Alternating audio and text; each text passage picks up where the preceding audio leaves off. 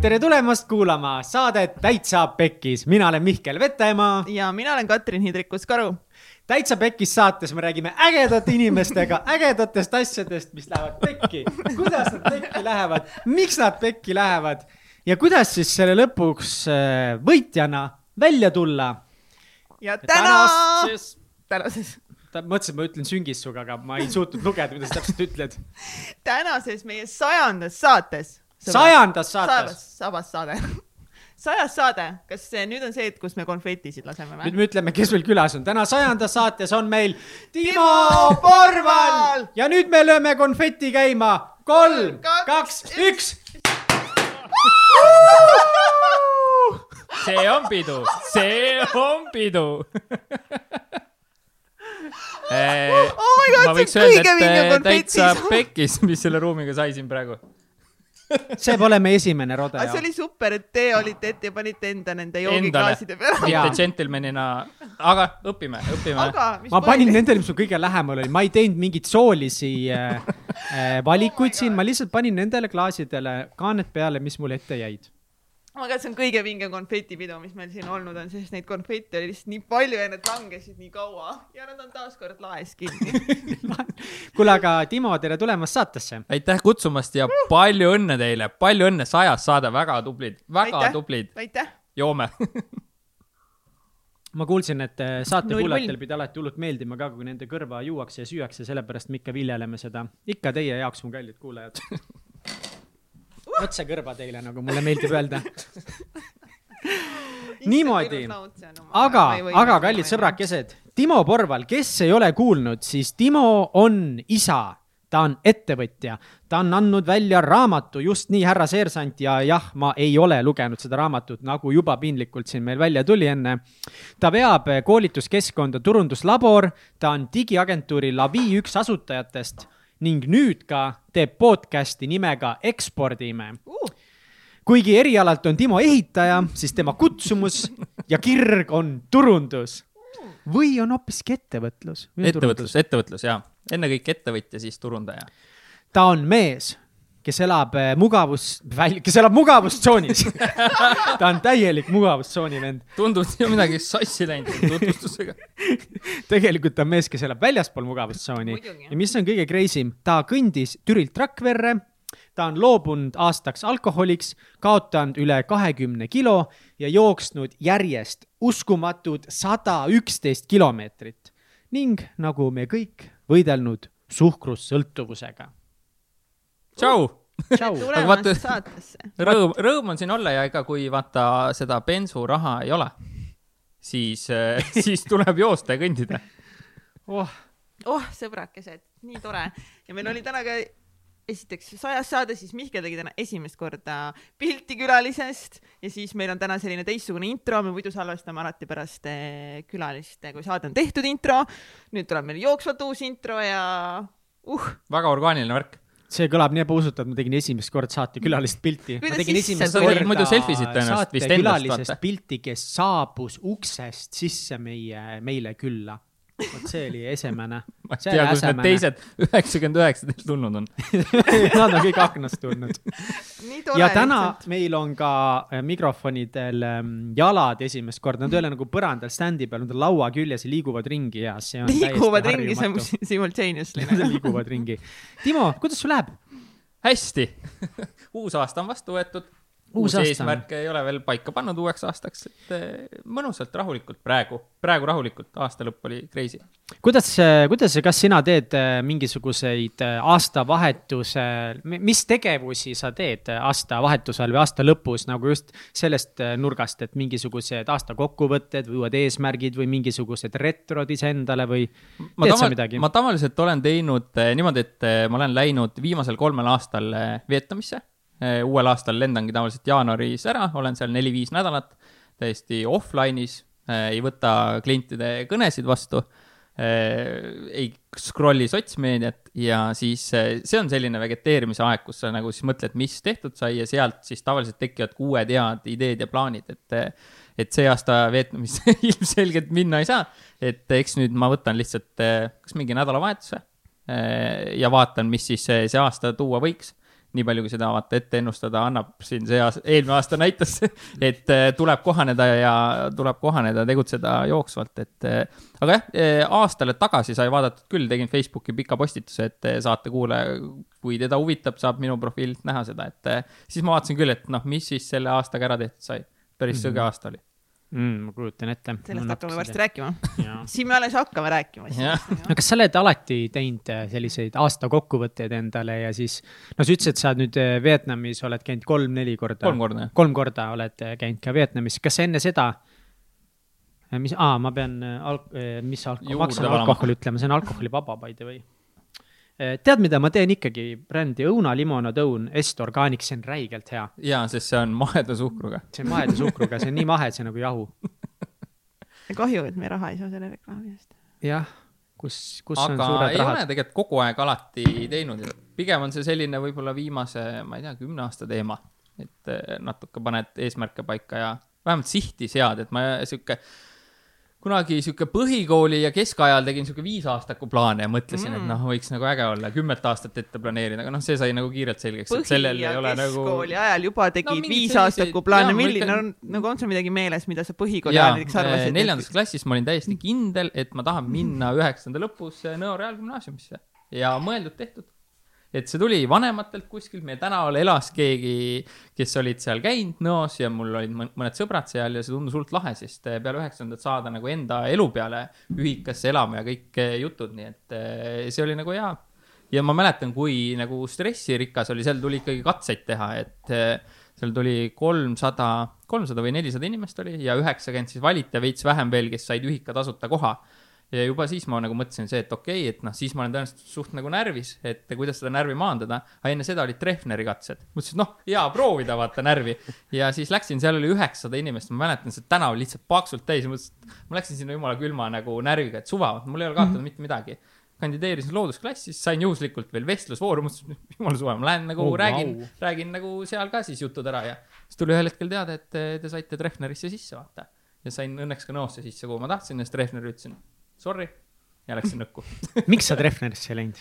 ma ei tea, see Nõo ja ühikelu tundus hullult nagu lahedam, seal olid mingid sõbrad ees ka, et eh, võib-olla mm. kui ma tagantjärgi, ma ei oleks kindel, tähendab, ma arvan, et ma teeks ikkagi samasuguse otsuse. just seesama iseseisev elu, see ühikas, et sealt täna tekkinud mingid sõbrad, et see on nagu, see on äge.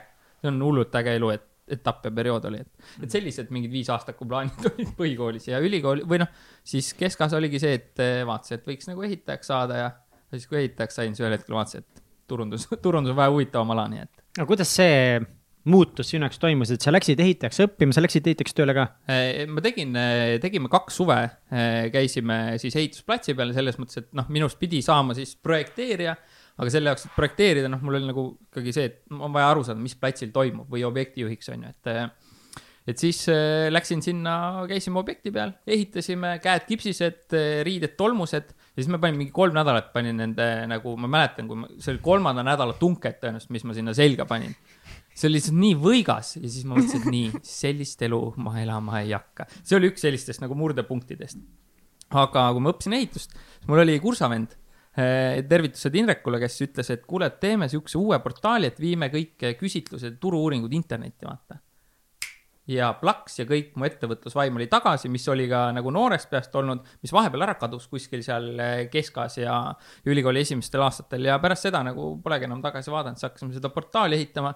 tegime mingi nii hunnikus vigu, et noh, paha hakkab, et eh, jah, kõik õppelaenud sai pandud, pandud sinna ja, ja. ja kuidas just alustasidki, mõtlengi, et nagu sa oled siis, kas sa sel hetkel siis olid töötu jaa, no selles mõttes, ma õppisin. sa olid ikkagi noh, ülikooli ajal? ülikooli kõrvalt jõuab ju kõike teha, et ma ja, läksingi MTÜ-sse, siis hakkasin veel eh, tegelema enda ettevõttega, on ju, et eh, kes teeb, see jõuab, noorena on eriti, et noh, kannatab eh, keha neid vähesemaid unetunde ka, et ma arvan, ma jooksin sel ajal mingi sihuke nelja-viie unetunni peal ja, ja noh, ülikoolis ka, ega mul olid hinded korras, ma olin, meil olid kursuse peal äkki üheksakümmend inimest ja seal ma olin number kaks, et noh, sai kõike, et kui tahta, siis saab, on ju kui tahta, siis saab. jah, ja ka sealt hakkaski see, et eh, noh, teeks siis enda ettevõtte, see mm -hmm. oligi see, et oo, OÜ asutamine, ma mäletan seda, kui ma S-, Ro-, Roosikrantsi või äkki oli see SEB pangast välja tulin, noh, mul oli nüüd on ettevõte tehtud, vaata, oleks ma vaid teadnud, siit kõik töö alles algab, vaata, aga see oli yeah, jah. oh, meil on päris OÜ tehtud, laenasime nelikümmend tuhat krooni kokku, mida sel ajal oli nagu vaja, noh, sissemaksuks on ju.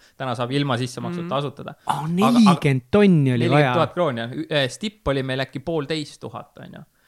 laenasime kokku, panime masinasse, siis eh, läksime, võtsime pangaautomaadist välja, jagasime selle nagu laiali ja ettevõte oli asutatud, on ju. ma saan aru, et nagu praegu selles mõttes on tegelikult või noh, ma teangi, et ongi suhteliselt lihtne alustada, ta ikkagi inimestel on nagu mingi keha on hirm, no mingid hirmud lihtne. ja mingi mured Jaa. ja kuidas see käib, et lükatakse mõnikord isegi seda edasi.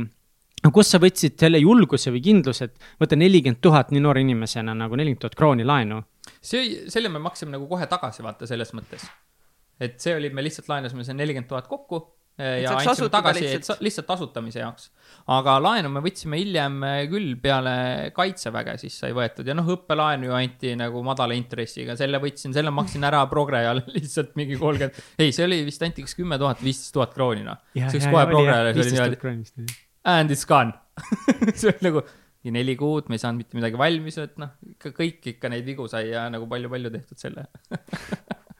aga mida sa nagu mäletad sellest emotsionaalsest poolest just oma esimest ettevõtet tehes ja, ja raha põles ühes ja teises suunas? eks see tegelikult oli nagu kihk ja soov midagi nagu ise teha, et see on kogu aeg tegelikult nagu sees olnud, ma ütlen, ma olin kolmteist, ma ostsin kokku kontserdipileteid näiteks, siis müüsin neid kalli hinnaga maha, siis kui ma nägin, et noh, ma ei tea, mingi Rammsteinid või Deep Purple'id tulevad Eestisse, Saku Suurhall, piiratud arv kogus pileteid, on ju, tõenäoliselt müüb saali täis ostsin viis kuni kümme piletit ja siis äh, müüsin need äh, nagu vahendustasuga maha. oota, aga kust sa teadsid seda üldse nagu teha kolmeteistaastasena nagu, ma ei tea, ma ei teinud midagi, kui ma kolmteist olin No. mängisin Barbidega. no see oli, ma ei tea, kuldne börs oli ja mingit võrre müüsin seal ja siis kuidagi, kuidagi nagu. aga kes keegi siis oli eeskujuks sulle selles mul on vallas? isa selles mõttes oli ja isa oli FIE, et eh, vot tema puhul ma võib-olla nägingi seda, et eh, tegelikult on lahe, kui sul on, noh, tal oligi teleri parandus, üks mees tegi, parandas telekaid, ise valis põhimõtteliselt nagu kliente ja siis vahepeal nagu puhkas ja lebotas ja noh, ma nägin, et eh, oo, et selline elu on tegelikult nagu hästi lahe, et mulle jah, see ettevõtluse juures see vabadus kui selline on nagu, mida see võimaldab, noh, see nõuab ka väga palju tööd, on ju, aga just see, et kuskil kaugel see vabadus on, on ju, ja teha asju inimestega, noh, keda sa ise valid enda ümber, kliendid samamoodi, et see on nagu äge, see tõmbab käima, et jah no kuidas siis teil läks selle esimese veebi arendamisega? no see oli niimoodi, et eh, me tegime noh, kõik tõesti kõik vead, mis nagu andis teha, noh stiilis eh, me läksime kursavendadega, jalutasime poolteist aastat iga hommiku tõka-tõka ühikas, tõka-tõka kool on ju. noh, mingi kolmkümmend minti, sul on võimalik ju rääkida oma ideest ja küsida tagasi, et me ei rääkinud kellelegi. see äkki varastatakse ära, vaata see idee.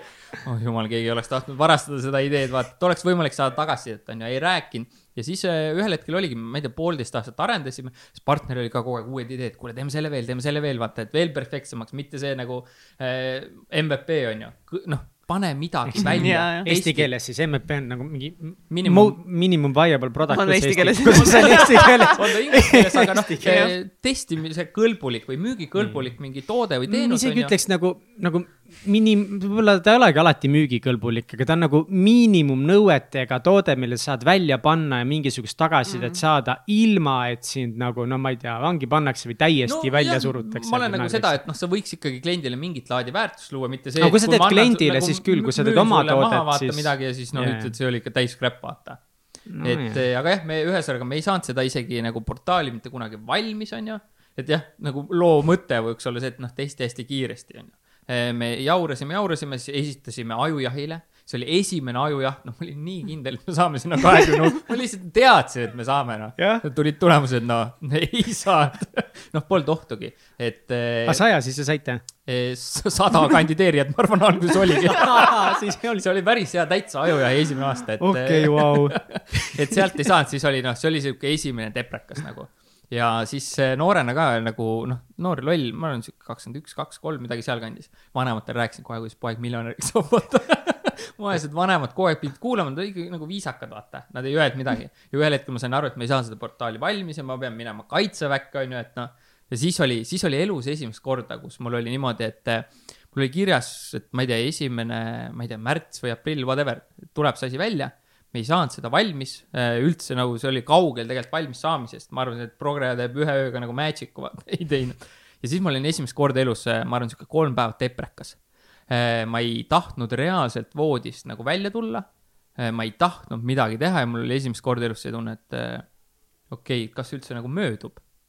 aga see läks üle, keris uuesti käima, läksin kaitseväkke ja siis oli aega uuesti mõtteid koguda Äh, vaadata, mis siis äh, kõik valesti tehtud sai, analüüsida, et see oli, seal oli jah, pikalt nagu aega nagu mõelda ja mõtestada. kas mõtlesid ka, et kunagi enam mitte või?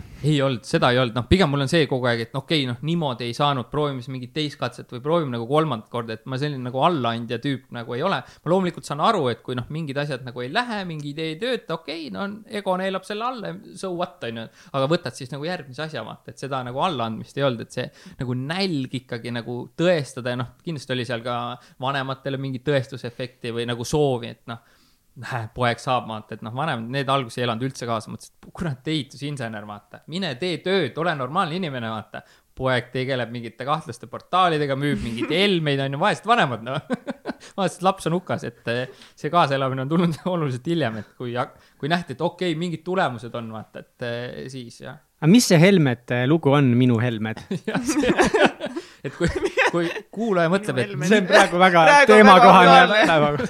et miks kaks meest hakkavad helmeid müüma, see oli see, et me tegelikult tulime kaitseväest välja Henriga, Henri Palmariga, kellega me siiamaani asju viiskümmend, viiskümmend teeme. Henriga sa kohtusidki kaitseväes, eks me ole? me kohtusime vahetult enne, see oli Aa. MTÜ õpilaste ettevõtjaks, saime seal kokku, meil oli esimene kokkusaamine, sellist pidu ei olnud nagu siin, aga nad värbasid uusi liikmeid. ja kui ma olin kaks tuhat seitse saalis ise kuulamas, ma vaatasin, what seesamune, mida mingid noored teevad. mida ma teen, ma teen, ajan mingit portaali ülikoolis, lebo vaata, ei, ei, peab nagu paremini. ja siis äh, tuli ühel hetkel kiri, et nad otsivad uusi liikmeid, mul oli kohe nii, et davai, sinna ma lähen. ja siis oli esimene kokkusaamine ja siis äh, Hendriga oligi nii, et äh, läksin sinna, siis mõtlesin, et ma väga kaua siin olla ei saa, et kolm kuud siis ma pean minema kaitseväkke. Hendri oli, hoidis seal kuhugi taha nurka, ütles, ma pean ka minema. küsin, kuhu lähed Tapale? ütlesin, ma lähen ka Tapale, millal lähed? teine juuli, ma ütlesin, ei, ta ütles kolmkümmend juuni, ma ütlesin, ma tulen teine juuli järgi ja me saime enne tuttavaks ja MTÜ aegades ma nagu vaatasin temale täiega alt üles, ütlesin, et selle mehega ma tahaks äri teha mm. ja siis kaitseväes meil oli üksteist kuud aega, et siis hakata siis atra seadma, et mida me teeme, kas me üldse koos teeme, on ju, rääkisime mingeid üksteise hirme läbi, saime seal kokku, brainstorm isime, on ju, et kui teised lihtsalt vaatasid telekat, siis me võtsime lihtsalt mingi vaikse klassi, nurga, paberi ja hakkasime lihtsalt wow. ideid kirja nagu panema. päriselt kohe paberi peale kirjutasitegi, tegitegi seal? ja, ja brainstorming. et seal jah, selles mõttes see kaitsevägi oli mu jaoks väga produktiivne, ma arvan, ma lugesin mingi viiskümmend raamatut, tegin õhtuti seersandi selle.... viiskümmend raamatut lugesid selle no, üheteist kuuga? noh, tempo oli nagu selles mõttes nagu aeg oli, hea. iga, iga vaba ajahetke nagu õppisin. Peep Laja internetiturunduse kursuse printisin välja seal raamatukogus tegin kutsika silmad, et palun, kas ma võiks printida. palju teil on? mul mõned lehed on. no palju teil on, noormees? sada kolmkümmend tuhat. davai, davai, printisin välja, lõin selle augurauaga augud sisse, saapa, kaitse saapa paela lõikasin pooleks, sidusin äh, kinni. mul on, mul siiamaani alles, see on minu piibel, noh. ja iga vaba mingi kümme minti, mis oli, ma lihtsalt lugesin, ma sain aru, et fuck, internetiturundus on see, mis nagu kõnetab ja see nagu sealt keris kogu see veebiturundus, on ju, siis ma sain ka aru, oh jumal, mis kõik portaaliga, hea, et see portaal isegi ei jõudnud kunagi valmis, siis oli juba eos nagu hukule määratud, on ju. et sealt eh, sai alguse jah, see internetiturunduse nagu kirg, et jah, panime kirja paberile, siis tulime välja, siis hakkasimegi tegema, jõuame tagasi sinna Helmeste juurde, on ju. Mhm. et eh, ja noh, me olime näljased, ükstaskõik, noh, näljased ettevõtluse järgi, näljased sõna otseses mõttes ka, siis me hakkasime tegema ükstaskõik nagu mida et ja siis üks nendest projektidest, mis me tegema hakkasime, oligi Helmeste müük. siis meil oli ka kolmas osanik, et tolleaegne abikaasa, kes mul oli, tema õde oli teinud, oli sellest ärist välja astunud, me nägime numbreid, vaatasime, oh, sealt on võimalik nagu raha teha panime siis mingid rahad sisse, hakkasime tegema, et siin teine õppelaen mul läks Helmeste tellimise alla. sa võtsid kaks korda õppelaenu? ja teine läkski sinna ka ettevõtluse alla ära? jaa, aga selle ma sain tagasi ja selle ma sain hiljem ikkagi õnneks nagu tagasi. selle eest me tellisime Hiinast äh, see oli viieteist tuhande krooni eest äkki mingi sada kilo helmeid ja siis me võtsime sõbra, sõber Kair Käsper, tervitan, kes täna juhib ja veab äh, Klausi. Äh, temalt võtsime Viru McDonaldsist nelikümmend tuhat krooni, rõhutan, stipendium oli tuhat viissada. me nägime, et on mingid India helmesegud, mida me olime sisse võtnud, mis nagu liigub. siis mõtlesime, et davai, tellime otse Indiast. leidsime mingi tüübi ülesse, äh, kes siis nagu tegeleb, leidsin, guugeldasin, et isegi tundus nagu okei okay tüüp. valisime helmed välja saatis nelikümmend tuhat krooni teele sinna. kas hirmus ei olnud või? muidugi oli noh, mõtlesin, et kui me sellest rahast ilma jääme ja vaikus. kakskümmend neli tundi vaikust, siis õnneks mees tuli välja, ilmus, et no ja wow., ja kõik rahad on käes. mõtlesime, ohohoo, okei okay ja see läks üle siis tegelikult mingite tähtaegade kõik, et meil on siin palav, see on mingi käsitööna nagu värvitud, vaata asjad. meil on palav, naised ei saa värvida, vaata mõtlesime, et noh, see on nagu ülelend. Ühel hetkel olid kohal need. Kolmsada viiskümmend kilo kasti siuksed äh, India siuksed käsitööhelmed, millest saab, äh, naised tegid äh, kõrvarõngaid, kaelakette, et see oli hästi popp yeah.. sel ajal, kui me nagu tegelesime sellega. oota, ja palju ta saatis teile? kolmsada viiskümmend kilo. kolmsada viiskümmend kilo. tellisime pool tonni mingi hetk nagu helmeid onju, need olid sama väiksed kui need konfetid siin mm. laua peal onju. ja kui keegi tellis nagu noh, mingi kakskümmend nagu pärlit, vaata siis me lugesime neid nagu käsitsi, noh, see on nagu. näpukestega. ei no mul on ka mingid pildid tehtud, noh, see on nagu, ma mõtlesin, et ma ei taha mitte kunagi neid helmeid näha onju aga noh, kuna nagu võtta sisse kaupa, mis siis nagu päriselt müüks, on ju, noh, ma pidin saama ise nagu eksperdiks, ma nägin, see kolmas osa, osanik, kes see naine oli, ei saa või ta ei taha või ta ei viitsi, mis iganes need põhjused too hetk oli. ja noh, lõpuks ma olin nagu sihuke spetsialist, ma võisin trammis sõita, sõidan, vaatan, nii türkiisid, vaata, käsitööna tehtud, kuuene hõbetraat, vaata noh, spetsialist. ma arvan, top kolm Eesti meestest, kes oli Helme spetsialist, onju aga noh, see andis äh, jälle aluse selleks, et sellega oligi, me nagu käivet tegime, see oli meie esimene raha nagu internetist. internetis müüsite seda? see oli see, et nagu me tõime, meil oli emaili list juba kogutud, me tegime eel nagu promo sellele, meil oli mingi kakssada inimest, siis tõime öösel poe välja, saatsime emaili välja ja ma ei tea, mingi kümme minti hiljem, peale keskööd oli esimene tellimus. see oli see esimene, minu esimene raha internetis, mul oli see kõva ja siit enam nagu tagasisidet tegelikult ei ole olnud esimene ka, et see oli meelde. esimene nagu müük, et me nagu hustlisime mingeid muid asju ka veel, onju, sealt nagu midagi ei tulnud, et see oli, vaatasime, okei okay,, siit võiks nagu midagi tulla.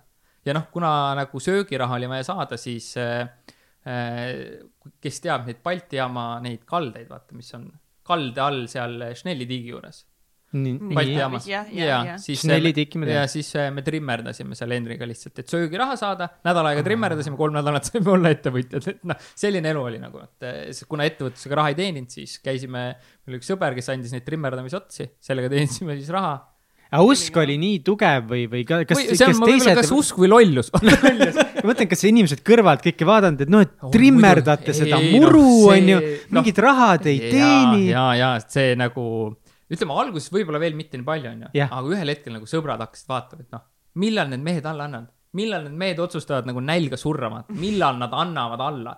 Ma käisingi, tegin mingeid tööotsi nagu toidu, no lihtsalt nagu reaalselt õhtusöögi vastu ja nii edasi, vaata, et. kui vana sa olid siis? ma arvan, et ma olin siis mingi kakskümmend kolm, neli, noh, midagi sinnakanti mm. -hmm. et eh, sõbrad ja mõtlesid, et millal see mees nagu ja millal need mehed nälga surevad, noh. aga no ei andnud alla, noh. aga kuidas see Helme äri läks? Helme äri läks äh, lõpuks niimoodi, et meil oli äkki ühel hetkel miljoni krooni väärt müügi siis, kui oleks kõik selle hinnaga, mis leti hind oli maha müünud, on ju, oleks miljon krooni oli väärt, aga me nägime, et see turg hakkab tulema alla, noh, müügid kahanevad ja siis me, kuna meil oli email list oli nii suur, see päästis sel ajal ära, õnneks oli siis juba digiturunduse teadmisi. saatsime kirja välja, et nelikümmend prossa on Helmed odavamad, noh, jumala eest, me tegime kahe kuu käibe nagu päevaga. ja siis kolmas osanik ütles, mina neid ei paki oh,. mingi kakssada tellimust on ju, aga noh, kui sa tahad oma raha kätte saada, siis nagu tuleb teha, on ju. ja siis pakkisime, noh, okse maitses uut, ma räägin, ma ei taha neid näha rohkem. siis tegime selle nelikümmend prossa ära, siis tegime järgmised nagu seitsekümmend, noh, samasugune kaks kuud otsa veel vaata nagu müügi mõttes. pakkisime need ka ära ja siis ütlesime nii. siis lõime, vaatasime, et meil on kakssada kümme kilo grammi helmeid järgi. kakssada kümme kilo veel? ja, jagasime need kolmeks ja mina kinkisin oma seitsekümmend kilo niimoodi kastiga. palun, noorem õde Keidi, võta, meisterdada, kui tahad, mina neid ei taha. Te ei jõudnud oma... lõpuni müüa neid, ei tahtnud või? ei jõudnudki ja me saime sada tuhat krooni, mis me olime sisse pannud raha, saime sealt siis nagu kätte et sihuke business oli. ja kaua see siis nagu kestis? see oli mingi poolteist, kaks aastat okay.. et ma mäletan väga hästi, kuidas see, tulime, meil oli kuskil Kadaka teel või kus meil see lõpuks nagu kontor, kontorladu oli, me tulime Henri Ventoga, sõitsime sealt välja. mäletan hästi, seal Mustamäe tee peal ma panin pea vastu seda Vento klaasi. ma ei taha seda teha ma ei taha tegeleda nagu klientidega, kes on, kes tellivad saja krooni eest, vaata. Helmeid. Helmeid ja siis nad ei ole, vaata, nemad teevad kõrvarõngaid, need peavad ühesugused olema, vaata siis sa paned selle kokku, noh, ega mina ei vaata, ma panin lihtsalt kaks valget, vaata. Need ei ole ühte värvi, vaata. nutab peale tulla, vaata, et noh, see oli nii hull business, vaata, kõik tuli läbi lao, ma ei tea, mingid tuhat, kaks tuhat SKU-d erinevat, vaata, noh, mingid pärlipidureid. SKU on siis nagu tootekood või? jaa, just, et. kaks tuhat erinevat toodet põhimõtteliselt, jah. noh, nagu jaa, ole, jah, sellest, see on niisugune väga värvikirev aeg, aga noh, see õpetas ja kasvatas ja õpetas äh, mõtisklema, millist äri tahad teha ja millist mitte. et see oli jah, see oli, see oli äge ajajärk. ja sealt tegelikult hakkaski see, et äh, sealt hakkasid sõbrad nagu küsima, et äh, kuule, tee mulle ka e-pood, vaata, tee mulle ka veebi. aa, sest teie veeb oli ikkagi nagu täitsa okei okay,. ja, ja see oli väga okei. Okay., me müüsime isegi, me olime seo mõttes, kui keegi otsis Helmed või Pärlit, me olime esimesed, me müüsime isegi lõpuks selle, meil oli domeenis minu Helmed E, äh, müüsime maha viiesaja euriga näiteks. müüsime, noh, see poe sai sinna kaasa, et jah, sai midagi, midagi plekki sai vaata, et et jah, et sealt edasi sellist füüsiliste toodetega oleme üsna vähe tegelenud mingil, mingil huvitaval põhjusel. mingil põhjusel, et oleme küll raamatuid kirjutanud ja kirjastanud, et ja see ongi suht, suht väheseid, jah. aga mis edasi sai siis pärast seda Helme seiklust? siis oligi see, et Helmeste aeg juba hakati nagu küsima, et kuule, tee mulle ka mm -hmm, ja siis me mm -hmm. mõtlesime, ei, ei, et me teistel ikka teenust ei hakka tegema, vaata, aga siis me saime aru, et me oskame nagu teiste ja teenuseid nagu paremini tegelikult müüa ja turundada, noh. siis mõtlesime, et okei okay,, noh teeme siis mingi perioodi. ja, ja siis oligi see, et see oli see hetk, kus Helmestest, noh, ma ütlen, palka sealt reaalselt nagu ei maksnud. ja see oli see hetk, kus Henri läks siis tööle sest meil lihtsalt ei olnud toiduraha enam. oota, aga te, te ju enam-vähem teenisite oma selle mingi sada tuhat krooni tagasi. aga, aga mis te selle rahaga tegite siis? võlad, asjad on ju, et noh, mingi õppelaen minu oma, et noh et ega sealt nagu kulutamiseks kui selliseks. see raha läks suht nagu kiirelt nagu, ikka jah? okei nii et põhimõtteliselt te alustasite nagu mingil määral uuesti äh, näpud põhjas. no hullemini, vaata kui välja tuli, siis oli kaks ettevõtjat, nüüd meil oli üks ettevõtja, üks mees tööl, vaata niimoodi, siis te mõtlesite, hakkate teenust pakkuma ikkagi, hakkate ja. neid veebe tegema ja. inimestele, sest noh, sel ajal ka veebid hakkasid tulema, kõik tahtsid. ei, selles mõttes trendi aga, aga oli kuidas nagu... te ei näinud, et oleks võimalik sellega nagu raha teenida, et ei pea no, tööle minema, miks see otsus tuli või kuidas te tegite selle otsuse, et ta peab tööle minema? no ikkagi nagu nii hetkest. kiirelt, vaata, kuna ei olnud mingit agentuuri tausta, vaata, siis äh, nagu nii kiirelt äh, nagu kiirelt kohe raha teenima ja kliente leidma, no lihtsalt ei toimunud, on ju aga nagu reaalselt toitu on vaja, üüri on vaja maksta, vaata, et noh, me olime, kulud olid jumala nagu maas Mm -hmm. niigi maas, on ju. ega ei osanud nende veebidest õiget raha küsida, ei osanud neid tegelikult nagu õigesti ka teha, on ju. Mhm. ja siis oligi see, et kas TTÜ-st või kuskilt eh, tuli siis kutse nagu, et eh, okei okay,, mehed, et noh, me näeme, et te seal MTÜ-s nagu tegelesite ja nagu suudate asju teha, et nagu tulge kokkusaamisele. ja siis mina sinna esimesele ei läinud ja Hendri läks ja siis Hendri ütles, no ongi sihuke töövariant, siis mina ütlesin, mina ei tule et noh, mingi sihuke otsus oli nagu, Endrus, tema võib nagu minna, vaata. ja, ja. mis töö see oli? see oli, ta hakkas eh, juhtima ja vedama sihukest asja nagu Summer of Startups. nagu sihuke, täna on vist nagu Mektori, et noh, sihuke startup idele mõeldud programm, kus neid aidatakse, on ju, mõeldakse kaasa, aitas sinna eksperdid saada, oli sihuke projektijuhi nagu rollis, on ju ja sai palka siis selle eest? ja sellest sai palka ja siis. täiskohaga tegi seda? täiskohaga ja, ja siis eh, tegi seda palka minu meelest pool aastat nagu pooleks pooleks. nii kui palga sai, pool kandis mulle. kuidas te tegite selle otsuse no,, selle vestluse, et no, kuule, mees, anna pool oma palgast mulle no,? vot ma ei mäleta, see on nagu jumala hea küsimus, ma ei mäleta täpselt konkreetselt nagu seda vestlust, aga see tundus kuidagi loogiline, et meil oli ikkagi see perspektiiv, et me nagu pusime ettevõtlusega.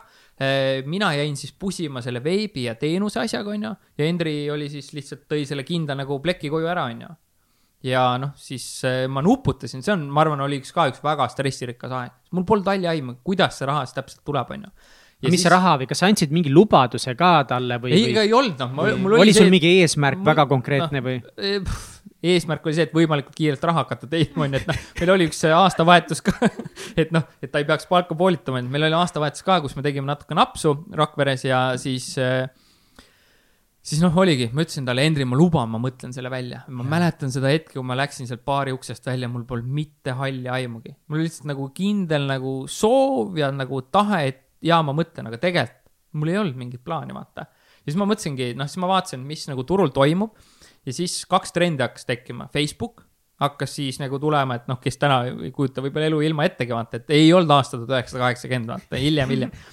ja, ja Youtube ja siis mõtlesin, et kumma nagu eksperdi ja videondus üldse, et kumma rolli, eksperdi rolli ma tahaks siis nagu turul liikuda ja ma võtsin selle Facebooki. ma õppisin kaks kuud, ma tegin esimese Facebooki turunduse kursuse, mida ma müüsin võib-olla mingi viisteist tükki. Aga noh, sealt sai mingigi raha, sealt sai mm -hmm. mingit tuntust, siis hakkas tulema Face'i äpid, siis tegime esimese Facebooki äpi, tegime Alexelale teadmata, kuidas asi nagu käib, aga noh, lihtsalt raha oli vaja. Ja oli usk, et küll me selle kuidagi ära lahendame, tegime jumala hästi ja kõik. aga Alexel on väga suur ettevõte, väga konkreetne, kuidas nad usaldasid teid? vaata, sel ajal oligi kogu see Facebooki värk oli ikkagi nagu noh, nii algusfaasis ja seal oli ka tuttav, keda, kellega me olime koos varasemalt mingit projekti nagu teinud. no küsis, kas Timo, teete ära, ma ütlesin, et noh, teeme küll ma küsisin Progrelt, teed ära või? Tarmo ütles, teeme küll, noh, ma ütlesin davai, noh, tema sai pool raha, meie saime pool raha ja, ja siis see Face'i äpindus tegelikult algas, onju. ja siis, kui ma selle kursuse välja andsin, siis äh, Marko Saue äh, helistas mulle järgmine päev, et kuule, ma ei teadnudki, et Eestis sihuke ekspert olemas on. ma ütlesin, nojah, kuni eilseni ei olnud, ma tõin selle kursuse välja, vaata, et panin ennast nii-öelda märgi maha, siis Marko kutsus mind sealt kohe mingile esinemisele, noh, seega seal ei olnud aega mõelda, kas ma lähen või ei lähe, noh tuleb nagu piitsa anda, vaata, et see oli see hetk, see aken, see võimalus on ju, sealt me nagu siis liikuma hakkasime kogu selle nagu agentuuri poole. kuidas sa õppisid, et sul oli väga suur väljakutse ees sa ei teadnud, kuidas sa selle ettevõtte käima paned, sa teadsid enam-vähem, mis valdkonnas sa tegud-, noh, tegelikult sa teadsid päris täpselt, mis valdkonnas tegutseda tahad. kuidas sa alustasid seda enesearengu teekonda, seda õppimist või seda struktuuri, et ehitada ennast üles, kas see oli täiesti suvaline või sa ikka valisid, mida sa teed? ei no ikka selles mõttes, et noh, püüad nii palju, kui sa oskasid sel ajal nagu analüüsida, vaata. et seda ikka, ikka nagu tegid, et aga noh, see eneseareng, see algas juba pihta ikkagi juba nagu varem, ma arvan, sihuke kakskümmend üks, kaks, siis kui me seda esimest projekti tegime, siis ma hakkasin nagu raamatuid lugema lugema, et ma mäletan hästi sellele samale esimesele äripartnerile Indrekule. Eh, ma ostsin Rikas isa, vaene isa raamatu ja pidin talle järgmine päev kinkima selle, ma jäin lehitsema seda. ma mõtlesin, pagan noh, hea raamat ja sedasama ma ei kinkinudki ja see tegi minu ajuga ka niimoodi et pani nagu mõtted, et okei okay,, mingit vara on vaja luua ja tegelikult on ju mingi teine tee ikkagi olemas, on ju. siis kuidagi see pusle hakkas jooksma, mingi Stephen Covey ja kõik need sellised äh, autorid nagu kõik siuksed klassikalised enese, ma isegi kutsuks eneseabi, enesearenguraamatud on ju äh,. sai nagu läbi hekseldatud, siis oligi Peep Laja on ju, kaitseväes kirjutasin talle, et mees, mul on mentorit vaja et palun tule, ma kirjutasin talle nagu väga pika kirja, et noh, täna ma saan ka kirju, mis on nagu noh, kolm lauset, ma tahan tulla Lavisse praktikale noh, ma näen, seal ei ole commitment'i, vaata, ta ei, nagu, ta ei okay. pühendunud mm.. ma kirjutasin nagu Peebule, miks ma tahan, mida ma sinna kaasa toon, mida ma sulle arvatavasti anda saan ja selle peale Peep ütles, väga kõva, teeme ära. mul oli nagu, ma mäletan seda hetke, kui ma selle vastuse sain, noh. aa, üli, üliäge lihtsalt siukse, noh, ta oli Eestis ju täiesti tippude tipp, vaata. et jälle nagu tegutse, vaata. ja, ja noh, oligi, Peep oli valmis minuga nagu õlut jooma, tulema, minema, onju ja siis äh, käisid, et need olid kindlasti nagu selle ettevõtlusmusta perioodi siuksed nagu kõige helgemad killud, onju. siis ta rääkis, kuidas ta teeb Eke Lainsalule, Peep Ainule turundusmulli. Vau, noh, aastaid hiljem tuli Peep Ain meie juurde, vaatas, mõtles, et ja oli aeg, kus ma unistasin sellest, on ju, et nice., et see oli hästi lahe, et jälle ise nagu tegutseja, noh, oligi see, et see kiri oli ka nagu läbimõeldud, on ju, mitte see, et Peep, tule mentoriks, ta oleks, ma arvan, pikalt mind nagu saatnud sel ajal, et jah. kuskil on, oli kirjas, et äh, sa oled lugenud läbi üle saja viiekümne turundus- ja äriraamatu. ma arvan, see number on tänaseks seal kahesaja kandis, jah üle kahesaja raamatu, nii et kui keegi tahab teada, kuidas siis nagu ikkagi no, on, saad asjadest aru, siis, siis lihtsalt... on lihtsalt nagu tuimalt nagu loe ja õpi, et minu arust jah, need raamatud on nagu noh, kunagi oli tuum, sihuke mm -hmm. mäng, vaata, nagu paned koodi sisse, saad läbi seinte minna, vaata. see on samasugune kood, nagu keegi annab sulle nagu läbipääsu tema ajusse, ta on võib-olla terve eluaja nagu kogemused pannud ühte raamatusse. nagu mida sa teed, loe lihtsalt läbi kümme-viisteist euri, on ju. ja noh, alguse ajal, nagu ma ütlesin, rääkisin ka, et noh, polnud raha. ja ma ei osanudki inglise keelt, siis ma lugesin eestikeelseid raamatuid ja Äripäeval olid üsna kallid raamatud, on ju. siiamaani on päris kallid, aga noh, väärt. väärt, just, et kui sa mõtled, et noh, raamatu kohta kallis, aga väärtus, mis sa sealt saad, on ju, noh, siis nagu pole küsimustki, võtad.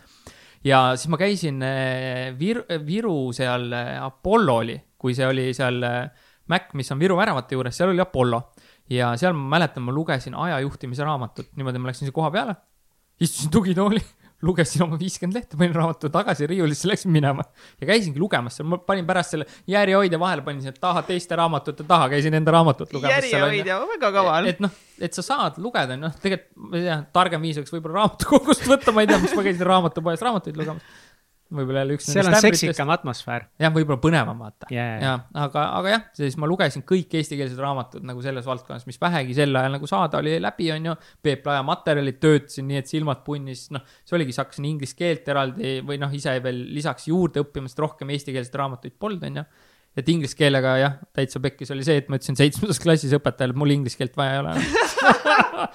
Error, noh, noh ja siis noh, mida sa siis teed, on ju, ühel hetkel ikka nagu on vaja, on ju, elu õpetas nagu karmilt ja siis ma, ma mäletan reaalselt, ma lugesin seda ingliskeelset esimest raamatut niimoodi, et mul oli sõnaraamat kõrval, sõna sõna haaval, noh. ma teadsin, mul on vaja neid teadmisi, noh.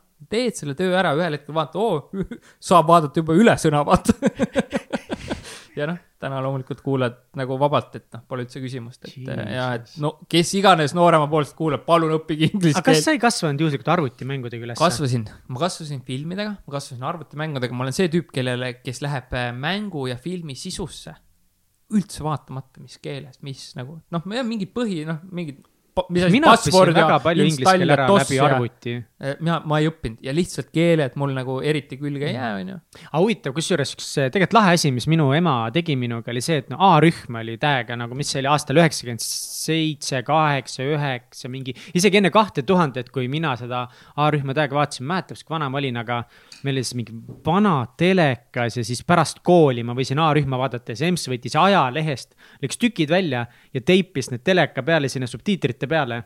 oo, väga hea, väga hea. ja ma vaatasin vist noh, kõik aastad või hooajad, mis siis tollel ajal telekast A-rühma tuli ja MacGyver ikka, oi, Plee MacGyver no, oli nii lahe, MacGyver, tunnusteema kõik ilma ühegi subtiitrita, kõik pidin nagu ja kurat, aitas sitaks hästi. aga ma olin, ma nagu midagi mäletan, et ma olin alguses, ma ei olnud üldse rahul selle pulliga. mulle ikka ei väga istunud see nali, mis kuradi, ma õige paar korda vist salaja tõmbasin selle pealt ära ka, aga nad kuidagi järjepidevalt muudkui seda panid, tegelikult vaata noor poiss, see tuleb nii kiirelt, mingi hetk sa ei saa arugi. juba vaatad savilt just, aga mul jah ei tulnud, seda tuli omad viitsad läbi käia, et see oli jah aga jah, lugemine on nagu kindlasti, mis mind on edasi liigutanud ja noh, ongi üks asi lugemine, teine asi nende teadmiste siis nagu rakendamine. aga mulle jah, tõesti, kui ma isegi tunnen, et mul on näiteks hästi stressirikas periood, ma olen nagu nii-öelda piiri pealt sealt mustast augu, musta augu piiri pealt läbipõlemise tsoonist välja tulnud mitu korda, nii et lihtsalt võtan niimoodi, ma hakkan õhtuti raamatuid lugema, see annab selle suure pildi, see annab selle perspektiivi, see annab selle tunde tagasi, et okei okay,, see äri, see nagu ma ei tea, asi läks nagu pekki, on ju aga tegelikult on ju ikkagi kõik võimalik, vaata, et eh, see on nagu drive inud edasi, jah aga see tohutu nagu distsipliin, ma ei, nagu ma ei tea, enamus inimestel ei eksisteeri seda. nagu esit-, noh, et sa võtad meid kätte, sa töötad nii tohutult, näed vaeva, olenemata ebaõnnestumised, sa ei oska inglise keelt, sul mingid muud väljakutsed, see tohutu distsipliin nagu kust nagu. no ma ei tea, võib-olla ongi see, et eh, eks on nagu oldud piisavalt vähese rahaga mingi aeg ja noh, sa ei taha seda enam. mis valik on siis noh, kas ma jään siia nagu seisu ja siis nutan, et ma ei tea, kõik on halvasti. jah, see on, jah, ja lähed tööle. vot sinna ma ka, vot see on ka asi, mida ma nagu kindlalt nagu, see oli mul nagu nii kindel, et sinna ma ei taha ka minna, vaata. ma oleks võib-olla tõenäoliselt kehv töötaja ka, vaata, sest ma olen no,, mulle meeldib mingid enda süsteemid, enda lähenemised. Lähen, tulen tööle, millal tahan, tavaliselt lähen varem kui teised ja lähen hiljem, on ju. et ma naerangi, et ettevõtjal on vabadust, vabadust teha rohkem tööd, on ju. et, et, et jah, see distsipliin ma arvan, et ma olen nüüd seda viimasel ajal analüüsinud, et see võib tulla seal kuskil viieteistkümnenda eluaasta juures, kus eh, isa keeras erinevate tüüpi käru kokku ja ma, ma nägin, et ta on nagu nõrk mees. ja ma ei tahtnud ise sihuke nõrk mees olla. ma arvan, see väga suur tükk distsipliini on tegelikult nagu pärit sealt. et sa ei taha olla siis oma isa sarnane. just, selle, no isal oli mitu poolt, isa naeris ka alati, et poeg, ma olen näidanud sulle, kuidas tuleb elada ja kuidas ei tohi elada ja noh, teoorias olid alati hästi nagu tugev, praktikas mitte nii väga. mulle meeldib see, et kui ma olen nagu teoorias tugev, siis praktikas ka.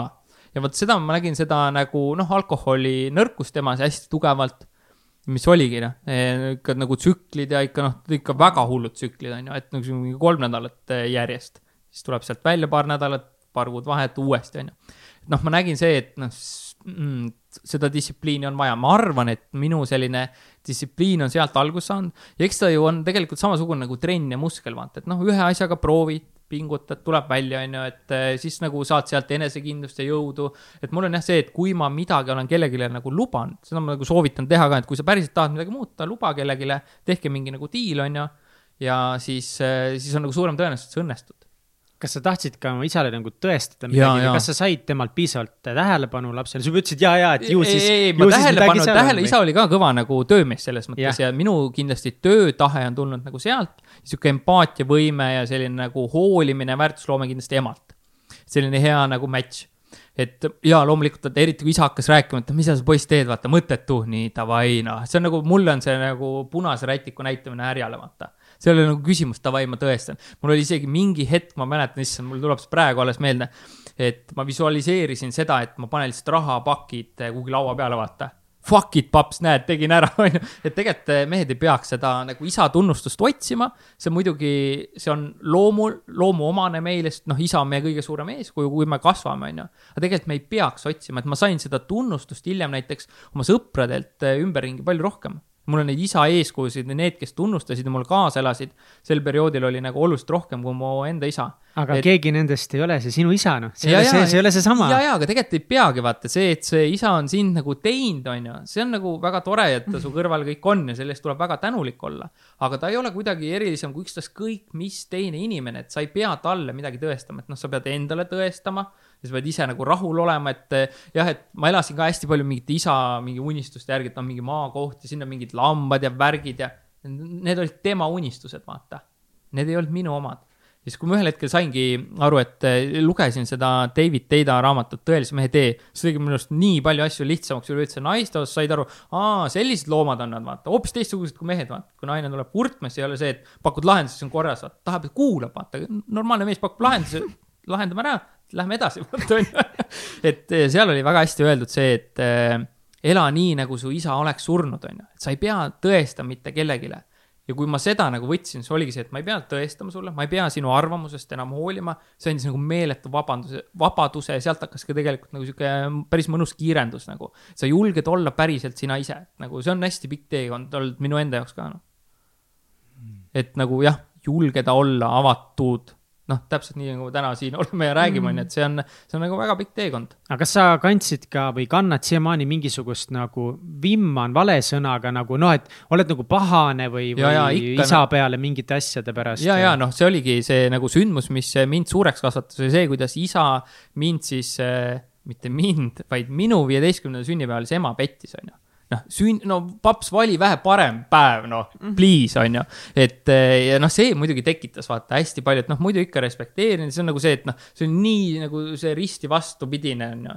sealt tekkis hästi palju nagu viha eh, mis kindlasti oli nagu, ongi, kui noh, keegi on sind petnud, ega sa ju lõpuni enam ei usu nagunii mitte kunagi, vaata. see on nagu usaldust saab ühe korra murda.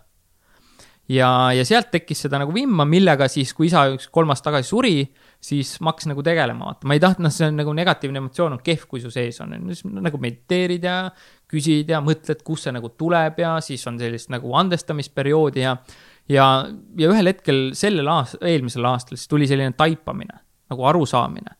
et noh, ma tean ka isa nagu lapsepõlve üldse ei olnud mitte nagu kerge, vanavanem, tema vanaema siis kasvatas teda, tal ei olnud vanemaid, on ju.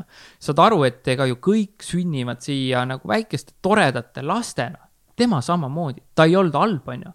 tal lihtsalt asjad läksid nii ja kui sa saad aru, et noh, sa tegelikult nagu hooli sellest väiksest poisist. see nagu, see muutis minu jaoks kõik, et me kõik oleme need väiksed poisid ja tüdrukud, on ju. kes ei ole keegi halb, keegi tuld siia, et noh, ma hakkan käru keerama, et mõni on vähe krutskeid täis, aga see ei ole, ta ei ole halb, ta on nagu mingite sündmuste läbi nagu kujundanud, on ju. ja kui ma jõudsin nagu selle arusaamiseni, siis no oligi, noh, ma nagu piltlikult kallistasin seda väikest siis isa Toivot, on ju ja andsin talle andeks, et noh, täna on sealt nagu, ma võin öelda, et noh, kas on nüüd päris armastus, no sinna võib-olla natuke veel teed, aga selline hull vabanemine ja hull nagu andestamine oli, et ja see oli väga pikalt, väga pikalt, seda nähti kõrvalt. noh, ma ikka lõpus nagu ignoreerisin isa üldse, elasime täitsa eraldi, mõtlesin, ma ei taha sind nagu näha, ma ei ole su poeg, on ju, noh.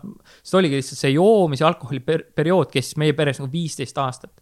isa tuli, isa läks, isa tuli, isa läks, on ju. aga see oli hea, see oli hea kool sai kiirelt suureks ja siis ma hakkasin näiteks hindama hetki, et noh, nüüd praegu siin kõik väga tore, väga mõnus on ju. Mm. kas sa, kas sa tunned kahetsust ka, et sa ei jõudnud isale andestada või ära leppida temaga siis, kui ta veel elus oli? tead, ma arvan, et me ei oleks, ta oli ka üsna sihuke kinnine, et me ei oleks suutnud äh, üks-ühele ikkagi normaalselt avaneda ja nagu rääkida, et ma ei, selles mõttes ei kahetse, et mul on hea meel, et ma olen seda nüüd tagantjärgi suutnud nagu teha ja noh selle asjaga nagu läks nii, nagu ta siis on ju läks, on ju, et, et jah, sellist nagu kahetsust kui sellist eh, ei ole. see tundub nii raske kuidagi või et on... nagu, et, et, et ei ole kahetsust, ma kuidagi näeks, et mul oleks nii palju kahetsust ma ei tea, see on kuidagi jälle, kui sa võtad nagu aja ja mõtiskled, et noh, millest see siis ka kahetsus tuleb, et see kõik nagu tihti minu viimase aasta sihukest teekonda on hästi palju, ma olen nagu enda egoga tegelenud, et noh, mingid hirmud ja kahetsused, need tulevad kõik mingist egost, vaata. aga noh, miks, kas seda üldse nagu vaja on, sest sööb sind, on ju, et eh, tegelikult pole pointi, on ju. et noh, see, kui sa midagi kardad teha või esineda, sa kardad ennast lolliks teha, see on see ego, mis sind kaitseb, vaata. see on lavale astumast, aga see ei ole see, et noh, sa tegelikult vabalt võiks sinna minna ja seda nagu teha, on ju. et jah, ei, ei ole et nice.. kas see nüüd siis enda last on äh, kuidagi, sa ja, tead, et milliseks sa ei taha nagu. muidugi just, et seesama, et vaata ja, ja, et äh, ma ei, ma kirjutasin ka isadepäeva postituse, et ma ei ole vist pojale jätnud kunagi ütlemata, kui ma tõesti tunnen, et ma armastan et ma armastan sind. et noh, sama ma nagu, kui sa enne küsisid, et noh, kas seda isa välja, tunnustuse väljateenimist, noh, isa ei öelnud kunagi, et on uhke oma poja üle. ma ütlen küll, kui ta poeg teeb mul midagi hästi, et poeg, ma olen sulle uhke, sest mitte et lihtsalt ta ego upitada, vaid tunnustada seda tegu, et ma olen kindlasti nagu teadlikum vanem, on ju tänu oma isale, on ju, et noh, jällegi on nagu väga palju asju, mille eest saab oma vanematele ükstaskõik, mis jama nad kokku on keeranud, on ju, neil on samamoodi omad mured, on samamoodi väiksed olnud omade erroritega, on ju. et, et kui sa selleni nagu jõuad, siis on, on elu nagu lihtsam, et, et jah, ma olen talle nagu väga tänulik, et ma arvan, minu sihuke rumal toores käivitamise energia on, on temalt pärit, noh kuidas te selle otsuse oma endise elukaaslasega tegite, et äh, minna lahku, et väga paljud inimesed jäävad sel hetkel kokku, kui on juba laps tehtud. No, et siis proovime ikka lapse pärast punnitada. jaa, noh, mingi kakskümmend viis aastat siis laps yeah. ütleb, et ma juba viiesena sain aru, et see oli mõttetu, vaata, miks te seda tegite, lollid olete, vaata. et äh, ega see ei olnud, see oli minupoolne otsus see ei olnud äh, kuidagi lihtne, et äh, ma käisin sel ajal ka nagu jooksin, ma mängisin selle nagu mõttega ja ma sain aru, et ma ei ole selles suhtes nagu õnnelik, on ju. kõik inimesed ei olegi loodud nagu koos olema, läks nii nagu läks, on ju, et ma olen, ma arvan, tagantjärgi mõlemad üliõnnelikud, et meil on selline poeg, mida me täna koos armastades kasvame, omavahel hästi kommunikeerides, arutledes, respekteerides, on ju et eh, ega see lihtne ei olnud, sest eh, noh, ma siis ka ütlesin, et eh, nii, me lähme lahku, see on mu kindel nagu otsus, et siin ei ole taganemisteed, ma lihtsalt ei ole õnnelik, on ju, et ma ei saa nii elada. ja, ja siis noh, ma ütlesin ka, et ega poeg ilma isata ei kasva, et ma kasvatan oma poega viis, pool, pool ajast, et nagu, et ma ei maksa alimente mitte sellepärast, et ma ei taha rahatsi rahandada, ma ütlesin, ma tahan oma poega kasvatada. ja õnneks elukaaslane seda väga hästi mõistis ja respekteeris. ma arvan, tagantjärgi on poeg ka talle selle eest väga tänulik, sest noh, igal pojal võiks olla see isa eeskuju just noh, kuhugi maani on ju. -hmm.. sealt ühel hetkel tulevad nagu siis sõbrad mängu. Et, et siis ma jäin jah, selline kaks nädalat või nädala, alguses nädala kaupa, hiljem kahe nädala kaupa, ma vaatasin sellele poisile otsa, Kristole, pojale, kahe poole aastane, no mees, mida me sinuga peale hakkame, vaata, et noh ma ei, sel ajal nagu naine ju pesi pesud ja triikis ja tegid sööki ja noh, see oli nagu meheks saamise hetk endal ka. ma ütlesin, davai, kutt noh, saame hakkama, ülihästi. aga kas oli alguses, oli lihtne see? Ei olnud noh, kus ta siis on, see oli ka, samal ajal on sul ettevõte, samal, ajal ei ole nagu raha, on ju. kas see oli ju kõik see veel see nii-öelda, sa oled mitu korda maininud ka ja võib-olla ka enne ja täna juba, et, et see oli mingi kuueaastane periood, kui te nagu ehitasite siis tõeliselt üles ettevõtet. ja, ja, ja. ja võib-olla ma pärast tahaks, et võib-olla räägiksid natukese veel lähemalt, veidi peatuksid sellel kuuel aastal, sellel foonil üldiselt, mis seal oli. aga sellel samal ajal siis oli ka see hetk, kui sa said nüüd selle väikse põnni koju, sa oled üksi, tema noh, mis sa, mida sa tundsid, mis siis oli? maksame palka, ei no nagu nad ütlevad, vaata, et kui sa kaelani seal samuses oled, siis pead ei ole mõtet norgu lasta et noh, ega selline optimism nagu säilis, et ja noh, see lahkuminek, noh, loomulikult, eks ta on ju nagu raske, aga teistpidi ta andis noh, teatud tüüpi nagu vabadust mulle on ju, ja noh, siis nagu ongi see, et noh, hambad ristis, proovime siis nagu järgmist asja ja noh, oligi, ega me ju sel ajal seda laviid nagu vedasime ja. aga kuidas sa pojaga hakkama said samal ajal kodus, et sul on see ettevõte ja poiss no, siis? tuleb ja... saada lihtsalt, et ma arvan, et lihtsalt väga paljud tänapäeva inimesed võib-olla ongi nagu noh, natuke liiga mugavad, et kui sa nagu, ütlen, sellepärast on huvitav asju panna perspektiivi, lugeda mingeid vangilaagri lugusid ja saada aru, kuidas inimesed nagu päriselt elavad. et eh, mul nüüd, kui see aasta ka, eelmine aasta, siis kui see on nii värske mhm. aasta, vaata eelmine aasta ka nagu raske periood oli eh, just aasta lõpus, kui palju koolitusi, asju vaja teha, siis ma olin hommikul, tegin külma duši ja ütlesin iseendale nagu, minu vanavanematel Siberis oli raske, minul ei ole raske see on nagu lihtne, mis siin praegu toimub, kõik on väga hästi. mul on söök, mul on katus, mul on nagu raha, mul on ägedad inimesed, ägedad äripartnerid, mida sa soiuta vaid ja sa puhtaks tööle vaata, on ju. et see oli noh, midagi samasugust, et ega noh, tegelikult midagi seal nagu ju hullu ja keerulist ei ole, loomulikult see on raske, aga noh, punnid ja teed ja siis näed nagu siirast naeratust ja noh, see nagu noh, aitab lihtsalt nii palju edasi aga vedasid ta tööle kaasa või kus ta oli sul siis? ei no ta käis lasteaias ja siis teed kodust, vaata, meil oli interneti kaudu andis neid asju nagu teha, et eh, ema aitas hoida ja õed aitasid hoida, kui oli vaja koolitusi teha ja, ja et mul on nagu tugivõrgustik, et sama nagu ma ei taha kuidagi siin nagu öelda üldse, et ma oleks ise tehtud vend. mu selja, selja taga on nagu väga palju toetajaid, väga palju ägedaid sõpru ja perekonda. et noh, siis võid hullu panna, vaata, kui sa tead, et nagu tagal on tegelikult nagu noh, hoitakse sind, vaata yeah kindlasti oli lisamotivatsiooni ka, kui käis laps vist ikka no,. jaa, ei no noh, jaa, jaa. siis ei et... ole nii, et põõsa alla ja et noh. ei no just noh, et see jah, et siin paberi peal, mis ma kirjas võtsin, on ka üks selline sihuke nädala, nädala lõige emotsioon, mis, kus poeg oli vist äkki kolm pool, kui ma seda täna lugesin või midagi sellist, et eh, see, see oli väga raske aeg väga keeruline, aga noh, poeg. mis sul siin paberi peal on? ma leidsin täna, et teie saadet eh, erilisemaks teha, see on selline, see on selline hästi, hästi isiklik äh, paber, mille ma kirjutasin iseendale. Äh, mingi hetk, kus mul oli nagu raske, et noh, see on tuleviku jaoks, ma olen tule, tuleviku endale teinud ka mingeid videoid, me näiteks Hendriga kunagi oli niimoodi, mitte kunagi, me siiamaani teeme, no analoogne sihuke kaamera, me paneme peale ja räägime, mis meie elus toimub. ja me oleme seda kümme aastat teinud, need äh, kaamerapilti te ei saa, seda te ei saa, seda ei saa mitte keegi, seda me oleme ise, me oleme ise aeg-ajalt võtnud nagu. Never say never. no never say või, ja just, et no sest vaata, kuna see on kahepoolne, siis te peate Hendrilt nõusoleku saama, Hendri seda kindlalt ei anna. Henri aga, aga kunagi ma nagu ütlen, et need videod me avalikustame ja toome ja näitame, et need on ägedad, need on sama, et noh, nüüd me ostsime helmeid, saime kätte, loeme pärleid, et need on kõik videosse tegelikult võetud, see on kõik ol, nagu olemas, et eh, trimmerdamise videod, noh, see oli ka kaitseväest saime välja, vaata kõhnad poisid, trimmerdamise videos vaatasime, mehed ostsid pätsisaia, mesikäppa, šokolaadi ja mõmmi limonaadi, noh aa, miks me jälle paksuks läksime, üllatus, üllatus, vaata. ja see on üks sel-, sellest seeriast, aga selle ma kirjutasin jah endale aasta kaks tuhat viisteist, eh, istudes siis nagu autos läpakas üles ja siis ma mõtlesin, et eh, anda perspektiivi, milline võib olla ettevõtja elu ja siis poeg oli ka siis hästi noor, et kuna me siin poja teemas oleme, siis ma võib-olla nagu loen ette selle. ja oota, aga mis olukord siis ja, täpselt ikkagi kas sa räägid jah? Kas see oli, kui pekkis siis oli või ei olnud siit pekkis? tuleb, siit tuleb tegelikult välja ah,. siit tuleb välja, siit tuleb välja ja kui pekkis see asi tegelikult oli, ma lootsin, et ma saan pool podcast'i ette lugeda. mis see nagu, mis see just, kuidas sa kaitseksid ütlemegi, et mis see olukord, mis see situatsioon ja, oli, et, et on vaja veel mingit lisa sisse, ei ole? see tuleb äh, väga, väga hästi siit välja. Äh, ma ropud kohad äh, asendan Eesti väikelinnadega no pane ikka, pane ikka, pane nii, nagu sul ei, on no, kirjas. meil ei ole, meil ei ole tsensuuri saates pane nii, nagu seal on. ja ole aus. okei okay,, davai, tuleb täpselt nii, nii, nagu kirjas on. tule täpselt nii, nagu kirjas on. sest need on toored emotsioonid. ma iga päev nii ei räägi tavaliselt aga davai, let's shoot nädalaettevõtjana, kirjutamise aeg kolmteist seitseteist, kümnes juuli kaks tuhat viisteist. oma Mondeo kella võiks õigeks panna, see on paar minti maas. tulin kohtumiselt ja uueni on aega veel ja parkla on õige koht, et nüüd oma mõtteid kirja panna, endale ja mälestuseks. kõik on siis, elu on ilus, tunneli lõpus on ometi valgus. kuidas ma ol olen siiani nii loll olnud? lõpuks ometi on meil õige suund ja ärimudel, silmad põlevad taas, ma olen täis energiat, ma olen lihtsalt nii läbi. Ma olen geenius, kõik on, siis nii ongi kirjas tavaliselt selline rollercoaster ja mõtted on käinud viimasel nädalal või õigupoolest paaril viimasel nädalal. kõik, mis on musta masendust tekitanud, on töö ja raha ja sama asi on ka silma särama pannud. sära on andnud perspektiivi, et äkki ometi nüüd saab piisavalt raha teenima hakata, et endale esimesena, mitte viimasena palka maksta, nagu see viimasel ajal on olnud.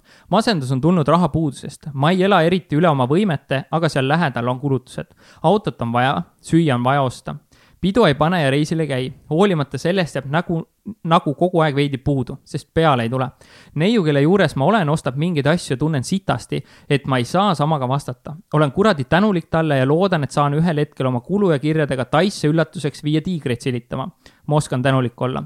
lisaks võtsin Hendrilt eh, võlgu sada eurot, et oma kõige olulisema inimese, poja kolmas sünnipäev ära pidada.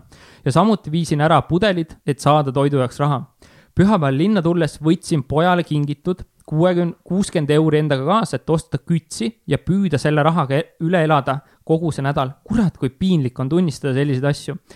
panen sinna kunagi sajakordselt selle raha tagasi samal ajal kui tead, et raha pole, on vaja olla sotsiaalselt kuidagi võrdne ja käia kohvikutes. see nädal reaalselt käisin kohtumistel ja ma ei tellinud mitte midagi, et säästa lihtsalt eure, et söögiraha ei lõpeks. praegu on taskus kakskümmend euri, eks pean Hendrilt juurde küsima või ettevõttest oma autokomp välja lunida. jah, lunida, sest ka seal arvel pole midagi samal ajal on käinud hirmus töö ja rabelemine, kas siis valede asjadega. iga kuu on kuradi nulliring, õrn kasum on meie palkade arvelt, vittu, sitt süsteem. täna sai teatavaks tehtud ka uued otsused kuttidele, et septembris lähme üle projektipõhisele ja palga maksmine lõpeb ära oleme väsinud kandmas kõikidele teistele peale enda raha, samal ajal ei ole jõudnud ehitada selle ümber ka normaalset süsteemi, et see töötaks kasumiga. müüa oskame, turundada oskame, kurat, sellele on vaja fookust panna. Tunnen kohati ennast väga targana, aidates ettevõtjaid ja nii edasi. ja siis teisalt tean, et taskus on viimased nelikümmend eurot. kas ma siis ikka tark olen või ei ole? raske on. nii, keerame lehte, silmad on märjad enesekindlat nägu, kui asjad pole tegelikult üldse kindlad. küsimusi ja dilemmasid on äh, peas palju usun, et see käibki ettevõtluse juurde, see on normaalne. kuigi vaimselt on see vahel päris raske igatahes poistele on nüüd teatavaks tehtud, et uusi partnereid on vaja kaardistada ja uut ärimudelit on vaja hakata katsetama. tunnen, et on murdepunkt ja asjad lähevad õiges suunas tegelikult. kõik võtab kauem aega kui tavaliselt ja uued ägedad projektid ja tööd on ees. on olemas paar tulemuste peale tegemise varianti ning Glow online koolituste teine tulemine on planeerimises. olen sinna tugevaid panuseid pannud, aga tuleb jääda reegli juurde. No expectations ängistab see, et ei saa rahaliselt teatud asju endale lubada, aga eks see ongi õppimise koht. tegelikult on elu põnev ja lill ja väljakutsed on ületamiseks. tõstame lipu taas püsti ja rühime edasi. Kristo, ma armastan sind nii väga ja sõbrad, aitäh, et olemas olete. Te muudate elu eriliseks. Timo Porval, Tallinna Veerenni parkla, tsoon C kolmkümmend viis, äge raisk. sihuke elu uh.. Timo elu ettevõtjana et eh, vahel on sellised hetki. aitäh, et jagad, nii tore. ma ei olnud seda tükk aega kuskilt välja kaevanud, nii et eh, ja neid, neid on vaja aeg-ajalt endale kirjutada ja meelde tuletada, et noh, siis sa oskad hinnata neid asju, mis nagu praegu on. see oli nagu kaks tuhat viisteist. ja sellest on omajagu. viis, viis, aastat tagasi. jah, viis, viis, kuus. poeg oli kolm, poeg on nüüd kaheksa, viis aastat. viis aastat mm. -hmm. ja noh, jah, need on rasked hetked võtadki poja kassast raha, aga noh, ettevõtja leiab võimalused, on ju, paned sinna pärast tagasi. mis tundega sa praegu loed seda kirja, mis emotsioone see sus tekitab? ühtepidi tuli meelde kogu see äng, teistpidi ülitänulik, et see, mis täna ja praegu on saavutatud, see on kõik seda väärt olnud, noh et noh, need hetked on, see on nagu ultrajooksmises on see sihuke kaheksakümmend, noh, ma ei tea, sõltub ultrajooksmi distantsist, on ju. noh, kui ma jooksin sada ühteteist, sihuke kaheksakümmend, noh, äng, sitt, halb, mõttetu, miks on ju, noh, see on sama. kaheksakümnendal kilomeetril. nojah, just, et no sihuke igav, vaata, nüri, kedagi ümber ei ole, on ju, aga noh, sul on vaja nagu jõuga läbi panna ja no samal ajal, ega mul olid ju need sõbrad olemas, kes toetasid, vaata. et mingid kilomeetrid ettevõtluses ongi nagu ülirasked, vaata aga noh, kui sa neid ei ole valmis läbi tegema, ega sind sealt teisel pool ei ole siis nagu midagi ootamas ka või noh, siis sa ei, võib-olla ei vääri seda vaata, et eh, mitte ma ei ütle, et kõigil peaks nii raske olema, ma loodan, et enamikel ei ole ja võib-olla paljudel on palju raskem.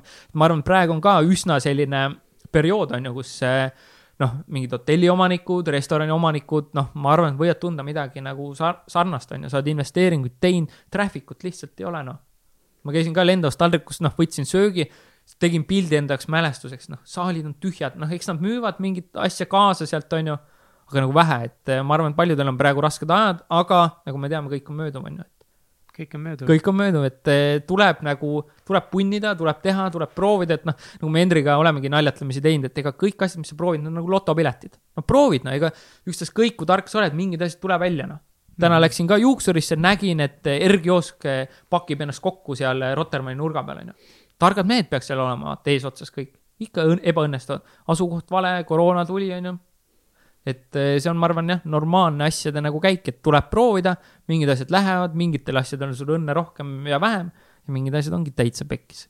mis hetkel teil eh, hakkas siis nii-öelda, mis hetkel tekkis muutus, millal muutus kõik see, millal läks nagu kergemaks? seesama seesama paber tegelikult, vaata, ma kirjutasin ka yeah., et see, ma tunnen, et on murdepunkt, tegelikult see oli ka yeah.. see tegelikult oli ka, see ärimudel, et eh, me kuue pealt läksime kahele tagasi. meil oli kuus inimest mingi hetk tööl. see andis meile nagu paindlikkust juurde, on ju, et noh, võib-olla maksadki endale nagu vähem palka, aga sa saad seda maksta, saad valida, milliste projektidega sa teed. siis me hakkasime tegema ka tulemuste peale nagu töid.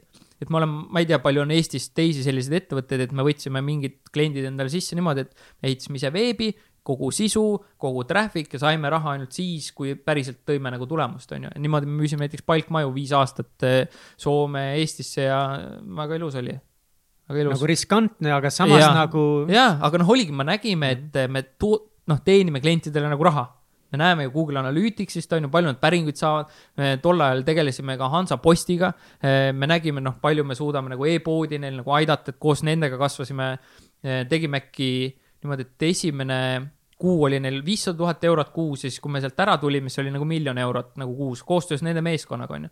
sa näed, et noh, kurat, sa klientidele nagu suudad teenida, siis oligi see, et okei okay,, aga prooviks nii, et me võtame täisvastutuse, vaata, oled sa nii kõva vend või mm -hmm. ei mhm. ole, vaata, et noh, kui, kui räägid kuskil konverentsidel, siis võtsimegi projekte, osad olid pekkis ja osad nagu lendasid, jah wow.. kas sa mäletad muidu mingit hetke, kus sa iseendale võib-olla ütlesid, et noh, kurat, et nüüd ma olen küll järgmisel tasemel või et kurat, nüüd ma olen vist kohal kohal ei ole, ma ei tunne no, siiamaani vaata. aga ala, ikka on, tegelikult ja, on siuksed no, hetked, kus tunned, oh, ma olen vist kohal, nüüd ja, ma olen made it on ju, ja siis tuleb järgmine nädal ja, ja. ei, ma arvan, et sihuke võib-olla nagu hetk oli see, et see oli see, kui ma seda lugesin, siis seda maha, seda paberit, siis sel hetkel ma panin alati noh, autopaaki viie või kümne euro eest kütust. mäletan seda hetke, kui ma panin paagi täis esimest korda, fuck, mul on raha, vaata et no ma panen paagi praegu täis, mul on null muret, vaata, et noh, mingi see nagu üliväike hetk on ju. ja teine. nii siuk... suur võit, see on nii ja, suur võit. ja teine, teine ülisuur võit oli siis selle aasta lõpus, kui oli turunduslabori launch ja turunduslabori viimane päev, et noh, me võime seda ahelat ka rääkida.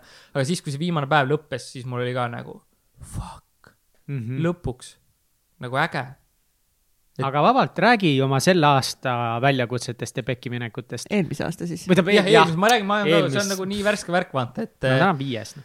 eelmine aasta jah, oli, kui ütleme niimoodi, ma tulin Vietnamist eh, veebruaris, siis äh, oligi, ma otsustasin, et davai, teeks sihuke sada päeva alkovaba, puhkaks maksa, vaata noh, Vietnamis ikka nagu läheb õlut rohkem kui võib-olla nagu muidu onju et eh, puhkaks maksa, oleks tubli, ajaks ennast jälle vormi, võtaks selle paar kilo pekki kõhu pealt onju maha ja ja siis eh, me läksime, me olime varasemalt salvestanud ära ju Sony'ga veebiakadeemia detsembris siin Eestis ja Karliga filmisime siis Vietnamis tema osa veel Sony veebiakadeemiast.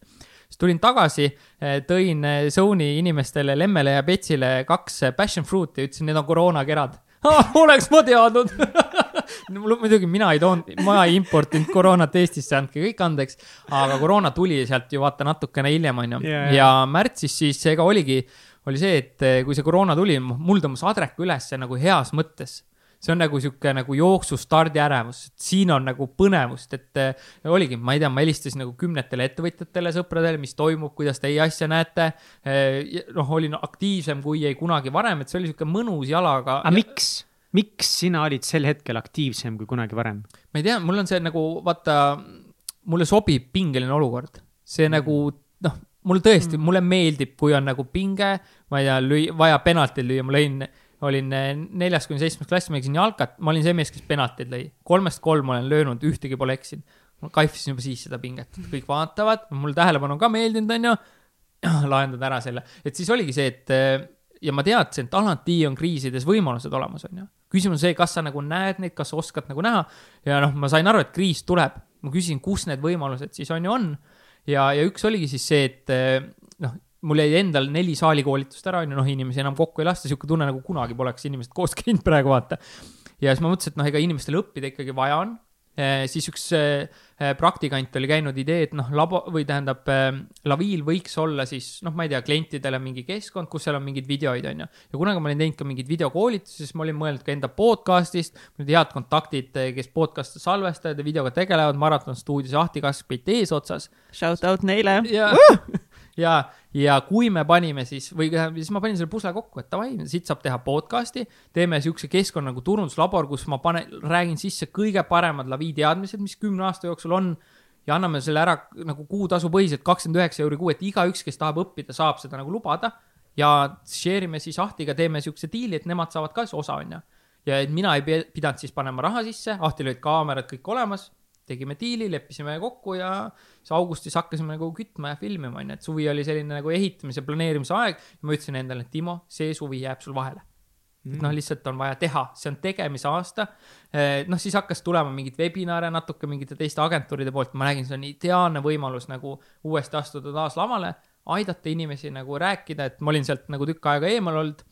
Ja oligi, noh, oli sihuke hea tunne, et mul on nüüd anda, mul on inimesena valmis seda asja nagu vedama, juhtima, mitte et see nagu lihtne, ma sinna rolli kasvan ka iga päev nagu järjest sisse, onju, aga ma tundsin, et seda, sellist asja on nagu vaja ja siis hakkasime tegema ja selline ekspordime podcast'i idee mul oli ammu.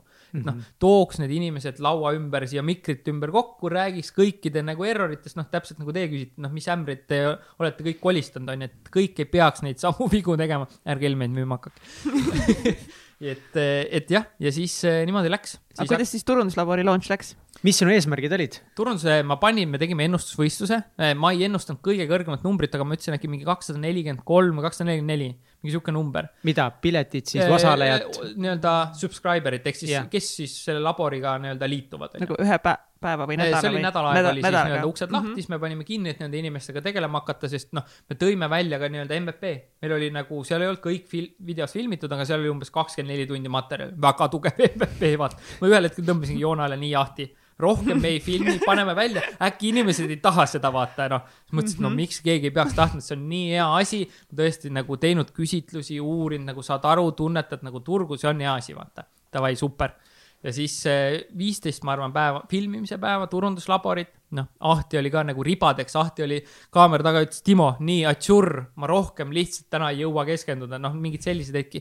olin mina seal ees, ütlesin Ahti, nii, täna kõik, et me panime nagu nii palju, kui torust tuli, nagu kiire ajaga, onju ja, ja siis, kui me uksed avasime, siis esimene päev, kakskümmend inimest, kakskümmend. me olime, mina olen pannud kakssada doglitundi, Ahti on pannud nelisada tundi ja ma olen teinud ju Ahti ja Markoga maratonist on ju partnerluse mm. -hmm. Nemad saavad osa, noh, kogu selle töö eest, noh, kakskümmend inimest korda kakskümmend üheksa eurot, korrutage ise no. mul oli nii, et noh, see ei ole võimalik, et Henri, Henri elukaaslane Gerda tõi nagu šampuse pudeli nagu, et oo, Timo, palju õnne, turunduslabor launch, mul oli mm -hmm noh, et mi-, see oli nagu fail, vaata, et eh, selline tunne oli, noh, teisel päeval seal mingi kümme inimest, noh, täiesti mott oli maas, teisipäeva hommikul, esmaspäeval tegime uksed lahti, teisipäeval ma olin eh, Lavi kontoris. mul oli siuke tunne, et ma lihtsalt lähen, viskan sinna diivani peale ja nutan tühjaks. ei tulnud pisaraid, ei tulnud, diivani peale ei visanud, sain aru, et okei okay,, noh, mul olid planeeritud mingid laivid, asjad, teeme selle launch'i perioodi siis nagu lõpuni.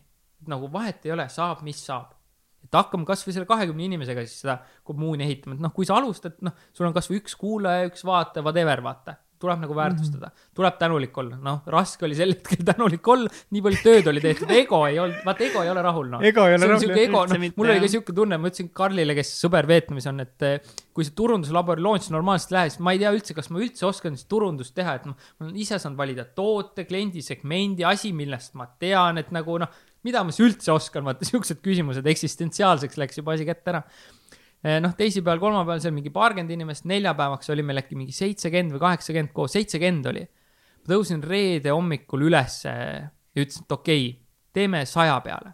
teen kõik, mis ma täna veel suudan, kirjad laiali, postitused, ükstaskõik, mis tunne mul on. me teeme selle nagu ära, et noh, sada ja viimase päevaga tuli sada kümme inimest no.. Nice. see oli, ja siis ma kõndisin seal Balti jaama tunne ja siis mul oli see fuck it. see oli sihuke nagu nädal ja siis mul laupäeval oli tervepäevane koolitus alustavatele ettevõtjatele neli korda poolteist tundi, et noh, julm, julm andmine oli november, detsember, et jaa, aga siis oli küll see tunne, et äge. see emotsionaalne, noh. see roller coaster nagu Ameerika nii üles-alla, et nagu ma justkui noh, ongi meditatsioonid, asjad nagu kõik olid, aga noh ikka see käib, sa oled nii seotud, see on nii sinu laps, on see turunduslabor nagu onju aga noh, siis see nagu tuli ära ja või noh, nüüd on niimoodi, et vist kas viis prossa on äkki cancel datud ainult, et noh, inimesed jätkavad wow, tagasiside nagu super, et noh, see on nagu, see on üliäge. ei aga, tohi pooleli jätta või ei tohi alla anda. ja, ja et noh, sel hetkel oleks ka siuke tunne, et selle kahekümne pealt, noh, ma ütlen, ma arvan, Hendri ja Gerda mäletavad alati seda emotsiooni ja jäämegi siiamaani naljatlema selle üle. Gerda tõi Hendrile rummipudelist, ma ütlesin, et lihtsalt korgime selle lahti, joome täis, vaata, et noh, see on nagu nii fucking projekt, vaata. jälle on lihtsalt suvi otsa nagu rabeletud ja tehtud ja mille nimel, vaata aga noh, isegi kui see emotsioon oleks olnud, noh, ma oleks, eks ma oleks siis kaks nädalat nagu aja maha võtnud, siis ma oleks mõelnud, kus viga on ja nagu järgmine kord ja, ja edasi ja edasi, et noh, alla kurat anda ei saa, vaata. et see oli jah, see oli puh, see suvi oli korralik andmine, no ja siis mahtus veel sinna ka Roland Tokko ja Toomas Kütiga tegime siis Eric and Meetsi Business Survival, tähendab Business Freedom tooteid. Eerik andis meile õiguse müüa neid, maksis komisjoni ja kui ju koroona algas, siis ju kõik need esinejatel, noh, kus nad esinevad, vaata, pole esineda davai, teeme summit'i. Jack and Roland nagu ulmetüüp, Roland ajas kokku nagu mingid äh, Jack Anfieldid, Eric Edmees, JJ Virgin, Daniel Priestley, noh, mingid ulmenimed. ja tegime selle ettevalmistusest kuni, kuni nagu päris päevani nagu kuu ajaga, ma ei ole kunagi nii palju tööd teinud, lihtsalt, lihtsalt järjest. kümne-kaheteisttunnised toglipäevad, noh milliseid äh, rutiine sa oma iga, võib-olla igapäevast, mitte võib-olla igapäevast, iganädalaselt nagu üldse nagu elusse tood, et mm -hmm. sa jõuad, kas sa põled ainult selle, lihtsalt selle kire passion'i pealt või sul on ei, mingisugused toetavad süsteemid ka? ikka, ikka. Äh, ma võin kirjeldada näiteks, kuidas tänane päev, noh, kuni siiamaani näiteks selles mõttes oli, et see annab, ma arvan, äh, üsna hea ülevaate, siis ma lisan sinna veitsa nagu juurde, onju et eh, ma sain sellisest raamatust eh, nagu Tervise neli tugisammast. Shutter Ye on selle kirjutanud, väga soovitan lugeda, nagu olles toitumist ja asju ise nagu uurinud ja katsetanud, siis see on nagu väga hea lugemine. inspiratsiooni raamatukogu.ee-st saab seda osta, tõenäoliselt kuskil poodides ka. ja sealt ma sain selle, et mul oli ka hommikul niisugune loll komme tõusta üles, võtta esimese asjana telefon, vaadata mingit meili mul on mhm. mingi loll komme vaadata pangakontot näiteks, kas öösel on laekunud mingit raha, kas nagu Stripe'ist on tulnud midagi üle, noh, mingid mõttetud numbrid, mis, mida on nagu tore teada, aga mil, mille teadmine ei anna sulle midagi. Ja siis eh, sealt ma sain idee, et esimese asjana käi jalutamas. täna tõusin neli kolmkümmend neli ilma äratuseta. Nagu... neli kolmkümmend neli. jah, noh, see on see, et. ilma äratuseta. jah, et see on eh, Come again, please eh, tulen uuesti, tulen uuesti. see algas peale tegelikult Lähme nagu ajas tagasi veits. see tuli juba suvel jällegi see, et tõusta nii vara, tuleb vara minna magama. jaa. ehk siis mul on kella üheksa klubi, üheksa kuni üheksa kolmkümmend, ma lähen magama ja siis, eh, kui koroonaaeg oli, siis ma hoidsin täisfookus see, et õppida ja teha neid asju, oligi see üheksast magama ja keha kohandus ära nii, et noh, ma, kui ma ärkasin, ma olen kindel, et kell on neli kolmkümmend seitse kuni neli kolmkümmend kaheksa. et keha optimeerib unetsüklit tegelikult nagu niimoodi ära, et kui sa oled see, kes tõuseb nagu nädala sees, noh normaalselt samal kellaajal, siis nädalavahetusel teeb täiega pika peo ja tõuseb, noh, kehal on kogu aeg on ta seal selles, äh, noh, jet lag'is vaata et oo, mis toimub, vaata, hakkab uuesti, uuesti kohanduma, et sa ei puhka välja. ja ma mõõdan äh, oma und, und sellise asjaga nagu Oura ring, sihuke mm, sõrmus on ju. sul on praegu ka? ei ole, ma ei kanna seda mm. päeval, päeval ta mõõdab ainult nagu samme, panen õhtul äh, sõrme. ja sealt ma nägin, see keha optimeeris unetsüklid ära, väga hästi deep sleep'i, oligi neli kolmkümmend neli üles, on ju noh, siis ongi, teed oma mingeid tegevusi ja siis võid Robin Sharmat näiteks üles ajamas käia kella viie klubi vendi või keda iganes. aga enne seda siis sa ei, ei maganud sellise tsükli järgi või? ei, ma ei maganud, pigem läksin hiljem nagu magama ja tõusin sihuke nagu noh, äratusega kell viis, et ma olen kogu aeg pigem sihuke nagu lapsest peale olnud, ma olin esimene vend, kes oli rattaga tänaval, ootas, millal sõbrad ärkavad, noh, mul oli mingi sõber, kes tõusis kell kaksteist, no väga pikk ootamisaeg, noh, see oli see oli aeg, siis oli aeg. pikalt ootud risk. no siis, aga siis oligi aega mõelda mingeid mõtteid. mina ärkan ka viis kolmkümmend, aga mina ärkan niimoodi, et mul on äh,, nüüd ma jälle kasutan seda kõige paremat meetodit ärkamiseks köögiahi on magamistoa kõrval, panen köögiahju taimeriga õhtul Aha. ja siis ta hakkab huugama no,. ja siis ta hakkab huugama, nii et sa hüppad sealt voodist välja, sest kurat, seda lärmi ei jõua kannatada. no vot. ei ole väga meeldiv. ei ole et eh, ma jah, seda nagu ja siis ma hakkasingi varem ärkama, ma proovisin seda Sharma, seda ka kakskümmend, kakskümmend, kakskümmend, et noh, kakskümmend täisintensiivset trenni. minu jaoks ikkagi keha jaoks tundus nagu vägistamine, noh. Ma ärkan üles, ma tegin noh, mingid kükid, plangud, noh, hüpped, kõik nagu need kaitseväes, kõik noh, täispauk, energia üles, vaata aga iga kord oli siis see, et noh, tegelikult ma ei taha tõusta, siis esimene asi, mis ma tegema pean, on see. ja nüüd ma olen leidnud selle rutiini, et ma ei puutu hommikul telefoni, ma vaatan kella ära, ühtegi äppi, mitte midagi ei puutu ja esimese asjana ma lähen jalutan, kakskümmend või kolmkümmend minutit ükskõik mis ilm on, ma olen seda nagu paar nädalat nüüd nagu teinud. ülimõnus, rahulik, hommikul on, kõik on välja surnud. ülikaif, kõik magavad, sa juba nagu teed ja toimetad, onju. siis ma tulen tagasi, siis ma hakkasingi suvel tee-, siis ma teen oma äh, six-pack'i mingi äpi harjutused ära, siis ma käin äh, pesus, teen oma külma vee ära siis ma teen, äh, panen oma tee hakkama, äh, kus on siis mingi taimetee, ma vahetasin matte välja, sest praegu mul on üheteistkümnes päev kofeiinivaba testin, vaatan, kuidas nagu. tagasiside, mis on sinu tagasiside üheteist päevaga? ma tegin nii-öelda kohvivaba koroona sada päeva, aga mate oli sees. Kui ma kohvi ära jätsin, noh, normaalsed peavalud. nüüd mhm. üheteist päeva pealt, ma ei tea, ma magan paremini, noh. magan paremini. tundub, et nagu deep sleep on, on nagu parem aga noh, mingeid põhjapanevaid järeldusi veel teha ei saa. aga noh, mis see nagu annab, on see, et nii kui tegema hakkasin, jälle kaks päeva peavalud mulle ei meeldi, nagu ma ütlesin, mulle meeldib vabadus, mulle ei meeldi olla mingite asjade nagu sõltlane. siis kui sa tunned, et ma ei saa ilma selle veinita ikka nädala lõpus, seda enam tuleb teha pool aastat või aasta, vaata, et enam ei oleks, et noh, mul on koogid ko, kommid ja kõik sihuke asi, vaata. mul on praegu käimas seitsmes kuu kookide, jäätiste, kommide vaba, et jaanipäeval siis kui õelaps. super, et meil on kook siin laua peal. aga see on ju ainult trenn, vaata, et. kes siin sööb seda kooki pärast? just, et ega selles mõttes ma ei ole kunagi nagu olnud see, et nii, mina ei söö, et siis te ka ei tohi, vaata, et mm -hmm. see on loomulikult nagu. ma kavatsen kindlalt seda kooki süüa. see näeb väga hea välja, vaata. et, et siis vabaneda jah, nendest eh, sõltuvustest. ühesõnaga, hommikul on siis tee mm, -hmm. tšaaga pulber mm, -hmm. ingveripulber mm, -hmm. siis jälle kuskilt vaatasin üks tark mees ütles, ingverit peab tarvitama, hoiab nagu immuunsüsteemi korras, on ju, mingi jõusaali vend. siis ka, et noh, seda rohkem saad käia jõusaalis, sa ei ole haige, vaata. Tundus nagu loogiline, ma olen laisk. ma ei viitsi nagu noh, mingi ingveri juurt kuskil leotama hakata. Davai, peab olema mingi parem lahendus. kas ingveripulber on olemas? jaa, on olemas. Umamist võite osta ja kuskilt internetist kuskilt veel saab, on ju. Mhm. siis ingveripulber, tšaaga pulber ja mingi taimetee, ma ei tea, pärnaõis, piparmint, whatever. see tee siis äh, mediteerin kümme minti, siis on äh, tänulikkuse minutid, on hästi palju aidanud, sihuke ilus muusika on, olengi, tihti on selles tänulikkuses, või tähendab, mitte tihti, vaid ma arvan, üheksakümmend üheksa prossa on poja sünd, kusjuures ma olin, see on üks ilusamaid hetki, kus silmad lahti teeb nagu üliilus, onju. oledki tänulik kõigest, vahel täna hommikul olin selle eest, et noh, käed-jalad töötavad, keha on hea, mõnus on olla, vaata. aastavahetuse mull on välja läinud juba nagu jõuad joosta, vaata, et nagu mõnus on, onju. Sealt edasi on sihuke kuulan Metcalfi praegu sihuke nagu mõnus, sihuke ka meditatiivne, see on sihuke lihtsalt olemise aeg ja samal ajal siis joon oma teed, onju. mis kell siis juba selleks ajaks nagu on? mingi sihuke kuus, kuus kolmkümmend, et noh, jällegi, kui keegi nagu kuulab, et mõtleb, issand jumal, kuidas ma selle panen, et enda rutiini, ei peagi panema, et kõikidel tegelikult ongi see, et noh, ma otsin ka erinevaid rutiine, erinevatel eluetappidel erinevad rutiinid, et noh, mõni ema kuulab, kes on nagu lapsega, et issand, hakkan neli kolmkümmend neli ärkama, see ei ole väga mõistlik mõte, magage seni, kuni nagu saab, kuni laps ärkab, onju et, et jah, kui mul on võimalik, siis ma nagu seda teen. Eh, jah, siis on kell sihuke mingi kuus kolmkümmend, see on tee, liiter teed on selleks ajaks ära joodud, immuunsüsteem on tugev. ma hommikul ei söö, ma paastun intermittent fasting ut, sihuke mm -hmm neliteist kuni kuusteist tundi, Vietnamis proovisin ka kahtekümmet tundi, kaheksateist tundi, päris okei okay oli. aga siis sa pead mõtte lõpus mujale viima, et mul oligi niimoodi, ma olin kuusteist tundi paastunud ja see oli see, et eh, tuul tuli ülesse, ma muin ees, käin lohet nii-öelda, nüüd ma võin öelda, ma sõidan lohet, alguses ma kaks hooaega lohisesin mööda vett selle lauaga lihtsalt jõin, silmad olid punased nagu vampiiril, sest no midagi ei tulnud välja, vaata, väga raske spordiala oli.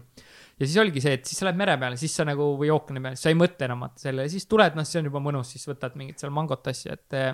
et jah, see fasting ja see hoiab nagu, mulle tõesti see sobib see hoiab mõtte hommikul nagu väga-väga selgena ja teravana, vaata, ja siis ongi, siis ma püüan teha mingeid tööasju, mis on sihuke nagu loomine kirjutas mingeid uudiskirja, lood mingeid süsteeme, mingit eh, ma ei tea, checklist'e või midagi nagu olulist ja noh, siis tuleb see päev on ju peale telefonikõnede ja kõige muuga, et siis on, siis on see nagu. ja mm. trenn eh, viis korda nädalas, eh, kolm jooksmist, kaks jõusaali, praegu jõusaali teha ei saa, siis jooksed viis korda.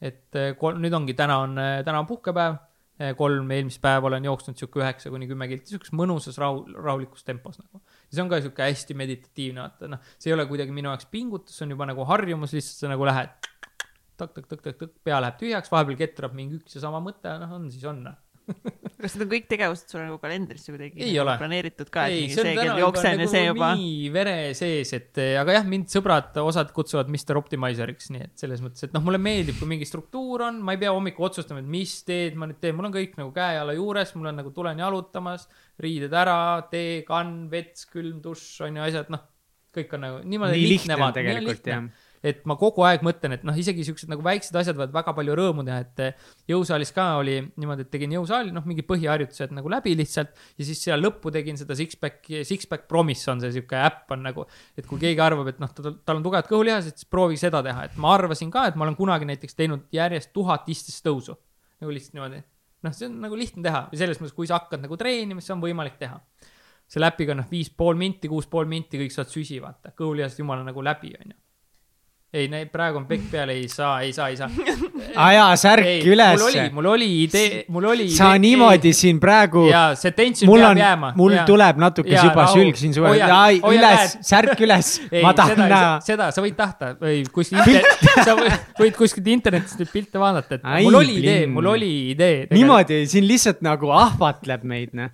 aga mis on see nende rutiinide, ma ise, ma aastaid võidelnud hommikurutiinidega, mingid asjad tulevad, mingid asjad üldse ei tule ja, ja ma nagu oh, kogu aeg mm -hmm. proovin, mis on, on sul olnud mingi no kõige raskem aspekt, millega sa oled kõige rohkem mänginud, üle paika saanud? trenn, uskuge või mitte nagu trenn, kui ma hakkasin kaks tuhat, mis kurat ma selle kehakaaluga, ma olin mingi hetk sada üks kilo, kaks tuhat neliteist, muidu nagu distsiplineeritud, vaata kõik Jaa., kõik teavad, vaata just.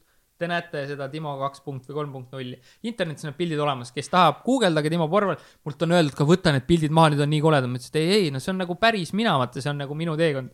seni, seni kuni te otsite, vaata. Ja siis, siis oli see, et ma ei suutnud nagu trenni teha, noh, kaalust alla võetakse siiski nagu köögis, aga see, et keha nagu paremini vormi saab, onju, selle jaoks oleks vaja nagu trenni teha, no vot, ei ole sama mees, onju, ei ei ole, noh., aa, ma vaatan mingit Sa- valet meest. Näita. ei, see on mingi Reigo Kimmel hoopiski, siin all on nii, siin on aasta jõulukaart kaks tuhat üksteist on Timo Porval ja see on siis on jaa, Reigo. Kimmel. see pilte tegelikult peaks sealt eh, leidma. ja, ja selle trenni tegemisega ja siis, just, see oled sina see olen või? mina, et. aa, siis see teine olid ka sina? äh?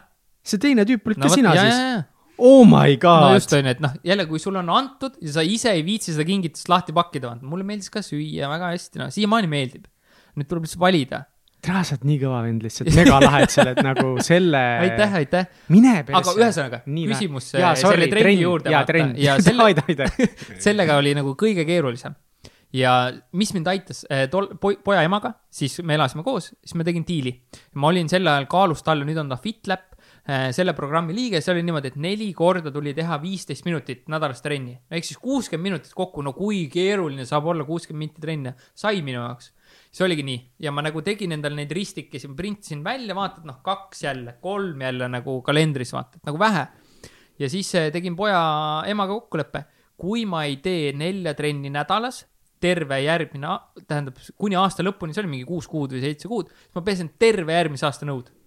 ja mul ei olnud nagu nõudepesumasinat, noh, sest pärast seda nagu ülilihtne vaata, kas sa nagu teed oma trennid ära või sa pesed nõu-, oota, jaa, viisteist minti ja kõik ja oligi noh, siis see sai nagu harjumuseks, onju. ja ühel hetkel noh, ongi mingid asjad on alguses nagu rasked, siis on sihuke vahepealne periood ja siis hakkad nagu armastama, et jooksuga oli ka, ega mul jooksmine oli alguses nagu raske. mul oli nagu adrekas, et davai, saja kildi peale vaata lähen, onju, hakkan õigesti treenima, mul oli treener, kavad, ma osalesin seal eesmärgiks Tallinna maraton, nüüd on ta, minu aeg oli ta eesmärk, eesmärgiks SEB maraton programmis. noh, kõik inimesed elavad kaasa, kirjutavad mingeid blogisid, noh, see nagu drive'is. aga ühel hetkel oligi, kui ma selle sada kilti olin ära joost, ma nagu tõesti, tõesti õppisin seda jooksu armastama, et me käisime Henri, Gerda ja Karliga, sõber, kes siis Vietnamis elab, saime Chicagos eh, kokku. Karl lendas Vietnamist, me panime siit Eestist ajama ja siis me trippisime karavaniga ranniku nagu läbi, panime eesmärgiks äh, Chicago, Vegas, võtsime seitseteist ööd, panime karavaniga, siis me vahepeal käisime matkamas. Ja need mäed ja see jooksmine seal, noh, räägi üldse sellest nagu see kuradi saja kilomeetri jooksmisest, mis debiilne värk sellega on? Kust sul üldse tuli see mõte hakata jooksma? ja, ja, ja kuidas siis sul tuli see mõte, et hakata sada kilti Jaa. jooksma ja, ja räägi nendest kõige rõvedamatest hetkedest. nii, et siis kolm asja on ju otsast peale, küll sa saad hakkama. jaa, just, et kust see nagu idee tuli, et mul on sihuke loll komme võtta vastu endale siukseid nagu väljakutseid ja see alguse sai tegelikult kaitseväest. ülitänulik, aitäh, Eesti riik, et te mind kaitseväkke saatsite ma ei tahtnud sinna minna, ma simuleerisin, see on mingi teise korra või teise küsimuse jutt, onju. aga seal olid rännakud ja rännakud olid siis nagu sellised, kus oli nagu seitsekümmend kilti vaja või nagu kolmkümmend viis kilti käia täisvarustuse, onju, noh, sa tead, võib-olla oled rännanud, onju, et päris raske on. aga see tunne oli ülikaif. ja ma pärast seda kaifi, eks see on sihuke sõltuvus, vaata, ma jäin seda otsima nagu veel ja veel ja veel. siis oligi see, et mul olin ühel hetkel nii stressis ettevõtlusest. mõtlesin, mul on mingit kiiret võitu vaja, kus ma nagu füüsilisega olen ajust üle, et noh, mingi võit, et ma ikkagi nagu olen tegija, vaata. siis tuli see eh, Türi Rakvere ots. lihtsalt kellelegi ei öelnud e. helistasin eh, umbes eh, kirnas, helistasin elukaaslasele, ma ütlesin, mul saab kohe aku tühjaks. ma olen kõn-, kõnnin praegu, suunan Rakvere. ma olen täie mõistuse juures. kõik on okei okay ja ma panen selle kõne praegu ära.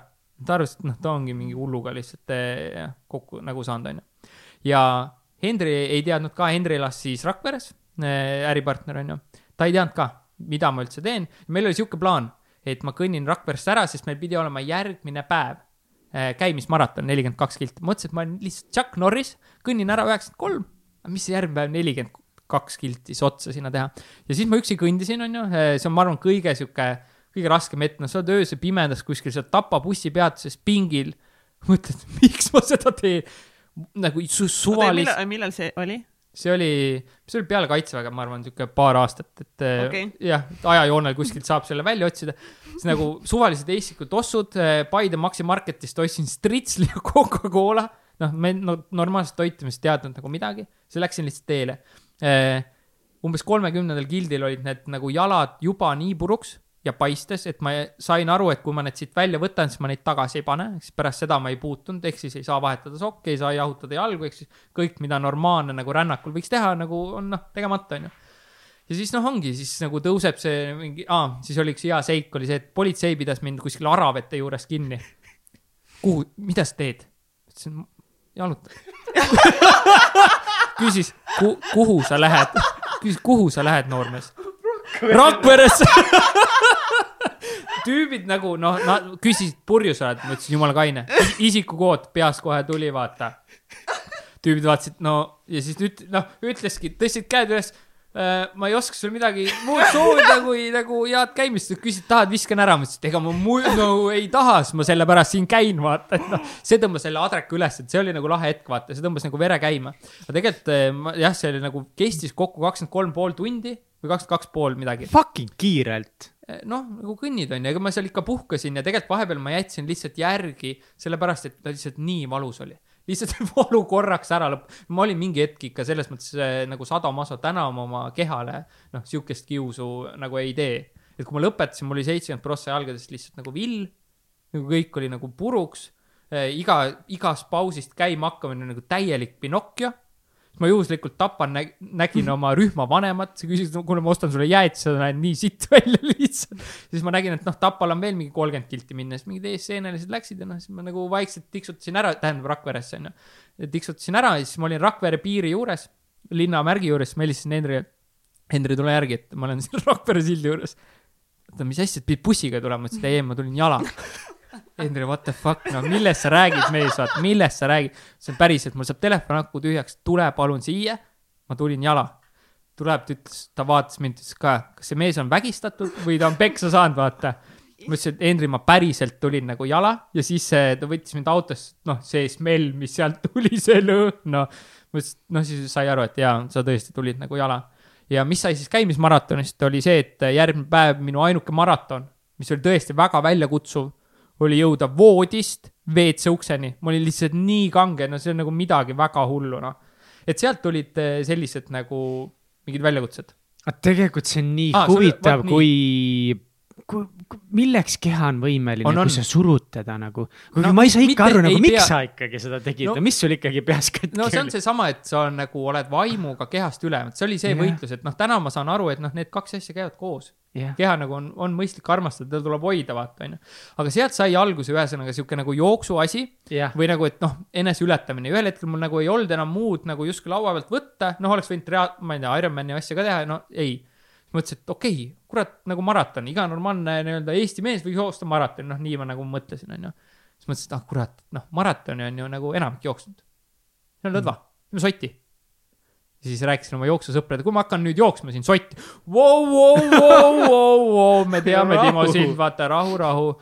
tule sinna programmi kandideeri, võib-olla saad sisse, võib-olla saad varustust. mis programmi? see oligi see eesmärk, see SEB, kus valiti Aa, siis mm -hmm. kuus äh, inimest, et äh, lõpuks valiti seitse ja noh, seda programmi ma alustasin ka murtud õlaga, sest peale seda valimisprotsessi või tähendab, see oli, äh, valimisprotsess oli käimas, ma läksin esimest korda Itaalia siis mägedesse lauatama. võid ise kujutada ette, kaua ma seda oodanud olin, noh. esimene päev, neljas sõit, kukun ja sidemed on kahest kohast katki, rangluu ots on siiamaani üleval ja kõik lõppes. aga noh, ega ei saa lasta ennast heidutada sellest, ikkagi hotell oli nagu ju ilus hotell, kõik mingi sihuke nelja, nelikümmend inimest. ja siis ma teenisin välja sealselt baarmenilt, ma arvan, kolmanda või neljanda päeva lõpuks, kui ma baari sisenesin õhtul, vau, champion of Cuba Libre et noh, mis siis ikka vaata, et nagu reis läks metsa ja siis ma alustasin kogu seda jooksuprojekti nii, et teised hakkasid nagu jooksma, arenema, mul oli see, et mul õlg katki, noh, mul oli käsi niimoodi. Küsin, käsi oli nagu keha küljes kinni. ma küsin treenerilt, mis ma teha saan? aeroobset, noh, kuidas ma saan tõsta? ratas, davai, suva viitsid, ma mõtlesin, milles küsimus, noh, teeme vaata. siis väntasin esimene kuu aega ratast lihtsalt, väga nüri tegevus, lihtsalt istud selle tre treenažööri peal, käsi on nagu paelaga kaelas, vaata, ja siis muudkui väntad, kõige pikem sihuke väntamine oli kaks tundi, noh. kannikad surevad ära, no ikka teed, noh. tahtmine oli. ja ühesõnaga, sealt siis see nagu pihta hakkas. Ja siis oli niimoodi, et kuue kuu pärast ma jooksin ära maratoni ajaga kolm kolmkümmend seitse, mis on äh, nagu noh, kõik, mis on alla nelja, on ikka nagu sihuke jooksumood juba tegelikult, vaata. Mitte, et noh, üle selle ei oleks, aga see oli nagu päris hea aeg. Ja siis eh, sel aastal, kui ma jooksin ära maratoni sügise septembris, siis ma jooksin ka ära oma esimese ultra, kuuskümmend kuus kilti. ja see oli sihuke kuue koma kuue kildine ring, mida siis eh, treener lubas mul läbida kümme korda, et kõvad mehed jooksid selle viisteist, ei, jah, viisteist korda läbi, et sada täis saada, treener mul nii palju ei lubanud, noh, et ei pingutaks üle ja, ja siis, kui ma seal nagu seal oli üks viimane tõus, kui keeras alla sinna staadioni peale see Haanjas, siis vot seal mul olid samamoodi, kui ma lugesin seda paberit ette, siis pisarad tuli, fuck, mees, sa nagu jooksid üle maratoni, vaata. ja siis oligi sealt veel edasi nagu trenni ja siis ootas suvel, ootaski see sada üksteist kilti. aga see ongi see, et ega kogu see ultra toimus selle viieteist kuu jooksul. viimane päev on vormistamine kas sa oled trenni teinud või ei ole, see on nagu, sa lähed lihtsalt nagu tegema. see oligi, ma nagu mäletan nii hästi seda hommikut, ma ütlesin ka, ma olin Tallinnas sõprade juures öömaal, et see on nii hea päev. ma olen õnnelikult üldse, et mul on keha terve, et noh, ei ole mingeid jamasid ja vigastusi, et kui ma kuskil olen kuulnud, noh, mingi spordialade peal, et on palju vigastusi, siis minge jooksjate punti, noh, hakkate kuulma, kellel mis kõik katki on nagu kontaktivaba spordiala, väga palju vigastusi on ju. ma olen õnnelik ja ma pean täna tegema ainult ühte asja, jooksma lihtsalt ja täna peaks täituma siukse unistusi, kui kõik läheb õigesti, onju. kui toit püsib eh, kehas, kui tossud on õiged, kui ei kuku, kui ei komista, kui ei ole mingeid jamasid, nagu ma ei tea, ei oksenda toitu välja, ei lähe kõht lahti, vedelikku ei pane üle, vedelikku ei pane alla, et noh, see on juba sihuke nagu strateegia ja nagu mäng, onju. ma väga nautisin, noh, nelikümmend kaks kilti sealt nagu rõõmus, äge, onju, väga lihtne. siis järgmine ring, noh, see oli kuuekümne lõpp, siis oli Hendri ja Gerda olid nagu tervitamas, Gerda oli siidripudel käes mul nii Dammit fuck, noh, see on nagu nii haige üritus, noh, miks ma siin üldse olen, vaata. kuuskümmend kuni üheksakümmend, noh, nüri. ma jäin, seal viiskümmend lolli oli, kes jooksis, vaata, mina sealhulgas, noh. ja siis, siis nagu lähed seal üksinda ja noh, seal on mingid punktid, on ju, inimesed, jee, jee, see on nagu tore. aga seal mingi hetk on nagu sihuke nagu metsa vahel juba hämardub, noh, siis juba nagu igav ja nagu nüri ja noh, siis sa ei ole nagu kindel, et sa seda ära teed ja noh, ikka noh, tead tegelikult nagu justkui peaks tegema. üheksakümnenda peal siis tuli mul treener kaasa jooksma kõrvale, ülitänulik Kaupo Tiislerile, et noh, ta üldse mind nagu valmistaks selleks ette väga, väga geniaalselt ja targalt. Ja, ja siis sõber Viljar veel jooksis kaasa, ehk siis ja Priit Kallas sõitis rattaga veel kaasas, on ju, viimast tiiru ja ma ütlesin ka meestele, et enne kui me, see oli kahekümne ühe kildine ring, et viimasele ringile minnes, enne ükstaskõik, mis jama ma teile ajama hakkan, et ma ei jõua, ma ei taha, lihtsalt peksate mind siit punktist välja, vaata, whatever, ma räägin ma pean minema selle viimase ringi, siis ma tean, et ma teen ära, onju. ja Priit Kallas sõitis ka viimase ringis kaasa ja noh, siis soti peal on, noh, soti lähenedes seal üheksakümmend viis, noh, siis näed, okei okay,, tuleb ära, noh.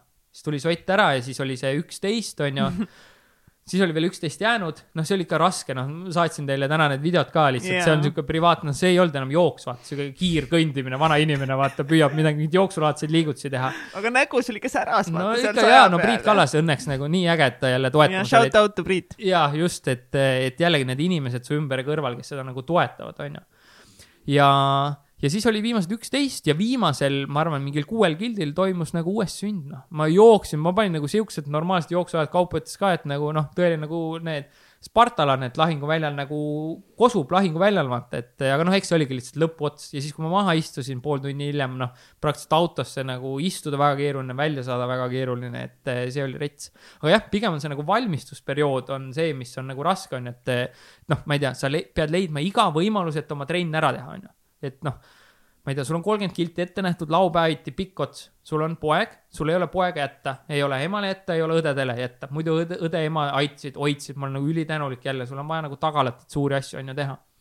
selge, poeg mänguväljakule, kott kaasa, mobiiltelefon, mingid kommid, mingid šokolaadid, on ju, et mis iganes tal tuleb, et issi, issi, issi, vaata, siis nagu mul on anda talle midagi, vaata, kogu aeg. ta, ta jooksis kaasa ja siis oligi, viisin ta mänguväljakule, mänguväljakul kolmesaja meetrine ring, noh, jooksin sada korda ümber selle mänguväljaku sada korda sada ümber kolmesaja meetrit. jah, ma arvan, nagu vanemad tulid ja läksid oma lastega, vaata, vaatasid, kes see debiilik jookseb, vaata, aga kui sa tahad nagu midagi päriselt teha, on ju, sa teed. jube ebamugav ei ole nii lühikest maad kuidagi nagu. mul üks eh, treener ütles ka, et kui ma tahan nagu, et pea ringi hakkaks käima, siis ma võtan õle aga noh, võib-olla kõige sellisem lühemal distantsil joostud ots oli kaitseväe kordusõppused.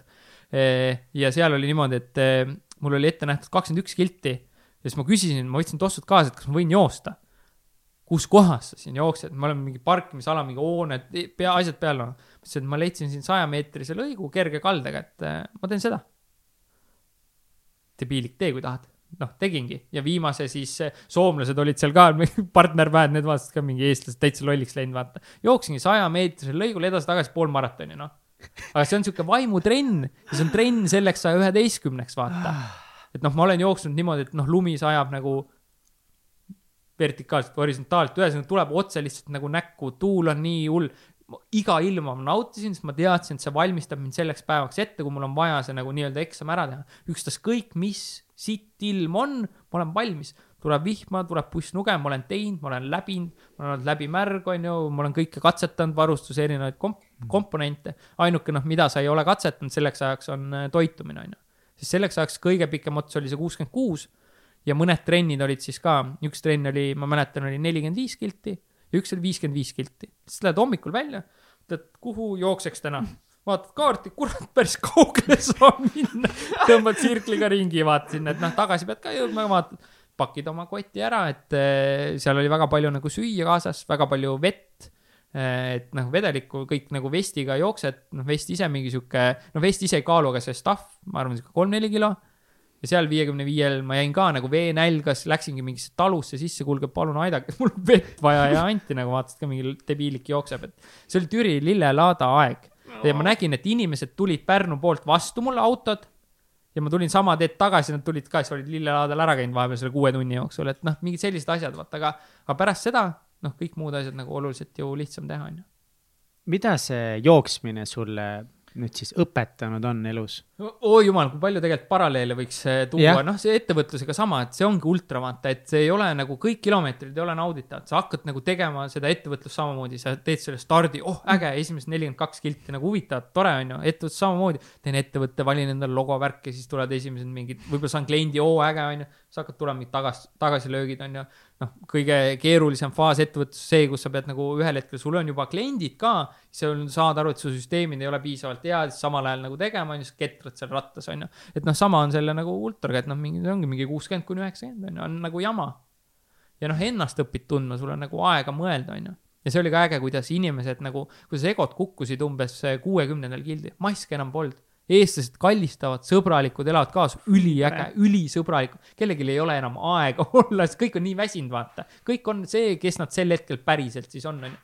kes seal jonnis ja porises, kes oli rõõmus, on ju, et eh, üliäge, et, eh, et seda jah, ja seesama, et noh, nagu alla anda ei tohi ja, ja ka mingid tegevused on vaja leida, mis siis nagu meeldivad ja nautida neid siis nagu kilomeetrit, ka neid raskeid, et noh, samas sa tead, et see kasvatab sind millekski, on ju. Kui ma ei oleks sellist nagu perioodi jooksu mõttes teinud, kui ma ei oleks ettevõtluses seda kuut aastat seda sitta olnud, siis ma ei oleks nüüd koroonaaeg suutnud niimoodi paugutada tegelikult, noh, see on nagu selge. et see töövõime, see nagu kõik vaimne, noh, ma olin seda juba tegelikult ju läbi teinud ja veel hullemini võib-olla, on ju. siis oled valmis, no see on nagu trenn, on ju nüüd oli jooksmine, ultra. koroona ultra sa oled äh, väga palju nagu tegelenud sellega, et ennast muuta, eks ole, võtta neid äh, väljakutseid, ennast arendada. on sul ka mingi seisukoht või arvamus, miks väga paljud ei tee seda? ma ei tea, ma arvan, et nad peaks äh, iseendalt võib-olla küsima seda, et miks nad ei tee, mind on kogu aeg selline nagu areng ja paremaks saamine nagu silmas ära on hoidnud, mulle kohe tõesti nagu meeldib, et noh, mul on ka perioode loomulikult, kus ma nagu lebotan ja olen ja, ja nagu püüan mitte midagi teha ja noh, selliseid perioode on ka, et noh, Laviga ka enne seda koroonaaega me chill isime, vaata. et nüüd oli jälle nagu andmine, on ju, et noh, selliseid perioode on ka vaja.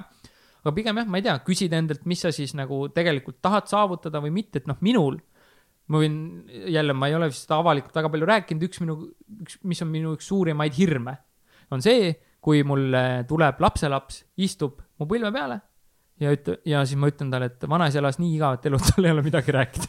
see mind hirmutab, see paneb mind tegutsema, vaata, et noh, et sulle on antud elu, see on nagu kõige selles spektris, seda halba ja seda head, noh, tuleb nagu elada, vaata, sealt tuleb nagu seda maksimumi võtta, alati muidugi ei jõua, onju aga minu jaoks on see, et kui ma ei arene, siis see on lihtsalt nagu kurat raiskamine, noh. nagu maha visatud aeg, vaata.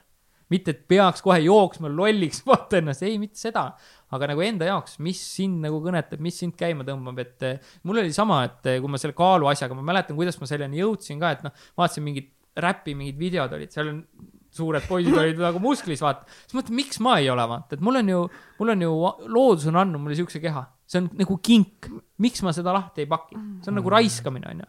Ja noh, see, kui ma seda teekonda hakkasin, naabrimees võttis alla, ema võttis mingi kümme-viisteist kilo alla, sõbrad võtsid alla, onju, et noh, sa maailma muutes muudad ka teisi, see on nagu lisa, noh, see on lisa, lisaboonus kõigele sellele nagu.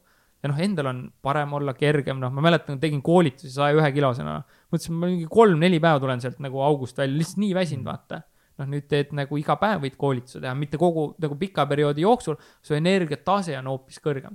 sul endal mõnusam olla, noh. Kas see kõik on see, kogu see struggle ja see, on seda ettevõtluse, see kannatused nii-öelda, mida sa oled läbinud mingil määral, on see nagu seda väärt olnud mõnes mõttes? sellesama distsipliini sellesama distsipliiniga, selle ellusuhtumisega võiksid ka ma ei tea, palgatööl, igal pool räigelt väga, väga kaugele jõuda. absoluutselt, et eh, ega ongi, tegelikult huvitav on eh, vaadata, et meil on üks MTÜ punt, on ju, kus me kõik kokku saime ja seal on eh, mõned, kes on valinud palgatöö raja, neil läheb väga hästi, neil noh, eriti alguses, kui teiste graafik hakkas järjest üles minema, vaata karjääri, meil nagu lihtsalt sirge null, kurat, või nagu mingi miinus või nagu mingi jama, on ju et meie pundist on, mõned on nagu, noh, ma arvan, et neil on parem elu kui meil täna, vaata noh, palga mõttes ja kõik. aga mul on, mul seesama ikkagi nagu see vabadus, mm. vaata et mul on ikkagi okei okay,, kui ma ütlen, et nii, ma rohkem ekspordime podcast'i ei tee või paneme lavi kinni või rohkem Helmeid ei müü, siis mul on see vabadus, vaata. ja see nagu, seesama nagu areng selle juures, et noh, palgatööle ma võin ikka minna, aga ettevõtjana sa pead nagu selle jaoks, et ettevõtjana areneda, sa pead nagu inimesena arenema, sest noh, muidu noh, iga, iga järgmisele tasemele jõudmine nõuab sinu enda mingit arengut, et noh, ma ei tea, kolm-neli klienti teeninud ära, aga kui tuleb kümme, kuidas selle stressiga toime tuled, sa pead, okei okay,, mis rutiine mul vaja, vaja mediteerida, vaja joosta, vaja seda pinget maandada, muidu põled läbi, onju. ma ei tea, tahad hakata välismaale tegema, davai, kurat, inglise keel on vaja heaks saada. Vaja on webinare teha, vaja on astuda lavale, vaata, kas sa oled valmis selleks, kui ei ole, noh, tuleb kõigepealt õppida sinna, et noh, see on nagu, see arengutee on lihtsalt nagu nii äge ettevõtjana, et noh, ma ei oleks kindlasti see inimene, kui ma ei oleks ettevõtjana. see on nagu parim kool ever, noh no Kats ja Egert, kes äh, tõmbate mingeid paralleele ka või kõlab tuttavalt mingil määral? kõlab täiega tuttavalt ja just eh, ennem Egertile ma olin üli excited pärast seda, kui Timoga selle eh, Zoom kõne lõpetasime, siis ma ütlesin ja Egertile, et ja tead, siis neil on see Henri partner on ka viiskümmend, viiskümmend partnerit ja. ja siis, ja siis nad ka jagavad, siis neil oli ka mingi ka mega raske ja kuus aastat ehitasid ja nagu meil oleks kolmas aasta ja nagu. ja, et mingi... Eh, ei tohi nagu, ma arvan, ei tohi alla anda. mingil hetkel on kindlasti mõistlik mingid projektid ära lõpetada, noh Helmestega ka me nägime, et nagu trend on alla seal ei ole mõtet, onju. tegime mingi mustkunstitoote, no üks mees ostab, üks poiss ostis. noh, no sa näed, et see nagu ei lenda, onju, tegeleme siis teise asjaga, onju, et aga liiga vara jah alla anda ja, ja sama, et nagu noh, koos sellest jamast ka nagu läbi tulla Hendriga, noh see on nagu jah, ma arvan, et eh, üks noh, mulle meeldib ka kingitusi teha, hästi personaalseid kingitusi ja eh, ma kohe jõuan selle pointini ka. see kakskümmend viis olin, see oli sama periood, kus nagu raha ei olnud. ja siis ma kinkisin Hendrile Bill Gatesi raamatu noh, kõige, kõige odavamana. Bill Gatesi lugu ja siis ma kirjutasin Henry sisse jube geniaalselt, alati kui te kingite raamatuid, kirjutage sisse. Äh, Henry õpetas seda mulle ja kirjutasin Henry, sina kirjuta enda lugu, vaata. Henry luges selle raamatu läbi, siis Timo, see on kõige sitem raamat mis ma kunagi saanud olen, aga sel hetkel, kui ta seda ütles, mul oli nii, ma olin ukse peal, ma mäletan tema korteri ukse peal ja mõtlesin endamisi, mis oleks kõige parem raamat, mida Henry võiks saada. ja Henry kolmekümnendaks sünnipäevaks koos tema viiekümne seitsme sõbraga tegin siis kokku raamatu Henry Eh, küsisin, saatsin viis kuni, ma ei tea, seitse või kaheksa küsimust. no ma ei tea, kui Henri oleks üksikul saarel, mis ta kaasa võtaks? Eh, mis oli esimene mälestus, mida sa Henrist tead, kui Henri tätoveeriks endale midagi ja saatsin selle laiali, sain viiskümmend seitse vastust, sellest tuli nagu päris korralik sihuke pooleteist sendi, kahesendine nagu raamat. ja siis ma tema kolmekümnenda sünnipäeval pidasin selle kõne ja siis ma ütlesin, noh, Hendri, et ma nüüd nagu, kuna ma enam ei julgenud üksinda seda riski võtta, siis palun tõstke käsi, kes on nagu kes on äh, sellesse raamatusse panustanud ja no see oli nagu mingi kuuskümmend, seitsekümmend inimest äkki. noh, need kätemeri, Henri oli nagu sõnatu, ütles ka, et noh, sa ei pea, Timo, mulle enam kunagi midagi kinkima. ja siis sinna raamatusse oli ka, et äh, ma ütlesin ka Henrile, kirjutasin, et me ei ole kunagi selleks hetkeks, me ei olnud koos kunagi reisinud. Hendri oli käinud, mina olin, noh, reisimisega alustasin suhteliselt hilja, siis ma arvasin, et on mõttetu ärge ära tapke selle lolli väite pärast. reisimine üliäge, arendab ja kirjutasin talle raamatusse, et Henri, me ei ole sinuga reisil käinud, aga see ettevõtlusreis, mis me teinud oleme, noh, see on, ma arvan, üle mhm. prahi. siis USA trip oli meil see esimene, seal meil saigi kümme aastat oldud siis äh, koos ettevõtjad, see oli nagu lahe wow., koos läksime nagu samal ajal nagu ära. USA, teel Vegasesse, tühjad väljad, Grand Canyonid, kõik Colorado piirkond, lõpus neli päeva nagu Vegast, pokkerid, pidu, ülilahe et see kõik ja on seda ühesõnaga nagu väärt et wow. Eh, tuleb nagu, tuleb punnida. ja, ja alati, alati riskida ja uskuda. alati, alati ju saab tagasi minna, jälle mm -hmm. noh, riskimise osas on see, et nagu eks me püüame ise ka nagu võtta kaalutletud ja mõistlikke nagu riske vaata, et noh, ikkagi nagu analüüsida ja mõelda, et, et need lotopiletid oleks võimalikult suure tõenäosusega, see õnnefaktor on nagunii sees ja mingid asjad lähevad pekki niikuinii noh et äh, aga lihtsalt ongi, kuna noh, aeg nagu tiksub, oled ka nagu kolmkümmend viis, mõtled noh, kaua me neid lotopileteid kraabime siin viiekümne viieni või millal nagu tulema hakkab, vaata, et äh, eks need küsimused ikka on, on ju, et. Äh, et noh, praegu ka me tunneme, et me oleme jõudnud kuhugi nii-öelda treeningust nagu võistlustele. niisugune neljas liiga okay,. et noh okay., ma, nagu tunnen, et see kõik alles algab, vaata, et siit on nagu. alles äk... algab jah? nagu ma enne ütlesin, et ei ole veel kohal jah? ei, ei, see ma, ah, kindlasti mitte, et nagu ma tunnen inimesena palju areneda, ettevõtjana, turundajana nagu oo, palju, palju, palju, siit on nagu minna nii palju. et raamatuid lugedes ka, et kui me seda kahtesadat, kahtesadat raamatut mainisid, siis noh, ma ei ole kunagi ennast nii rumalana tundnud kui praegu sa tead kõike, millest sa ei tea, vaata. ei tasu vaata lugeda. ei tasu. hakkad, hakkad tundma, et ei tea sittagi, saad lihtsalt aru. lihtsalt Tõde ja õigus, loe läbi esimene, viimane osa ja ongi kõik. ma kunagi lugesin kooliaeg läbi esimese, viimase osa, esimese, neljanda, pärast sain teada, et ta on viies ka see on päris, päris hull ja me korraldame nüüd eh, uut seda Täitsa Pekkis Akadeemia eh, seminari ja siis eh, tagasi nagu vundamendi juurde siis, et rääkidagi nagu hingamisest, unest ja nii edasi, onju. ja siis paneme seda programmi kokku ja siis ma nagu loen jälle juurde ja siis mõtlen nagu mingi issand jumal.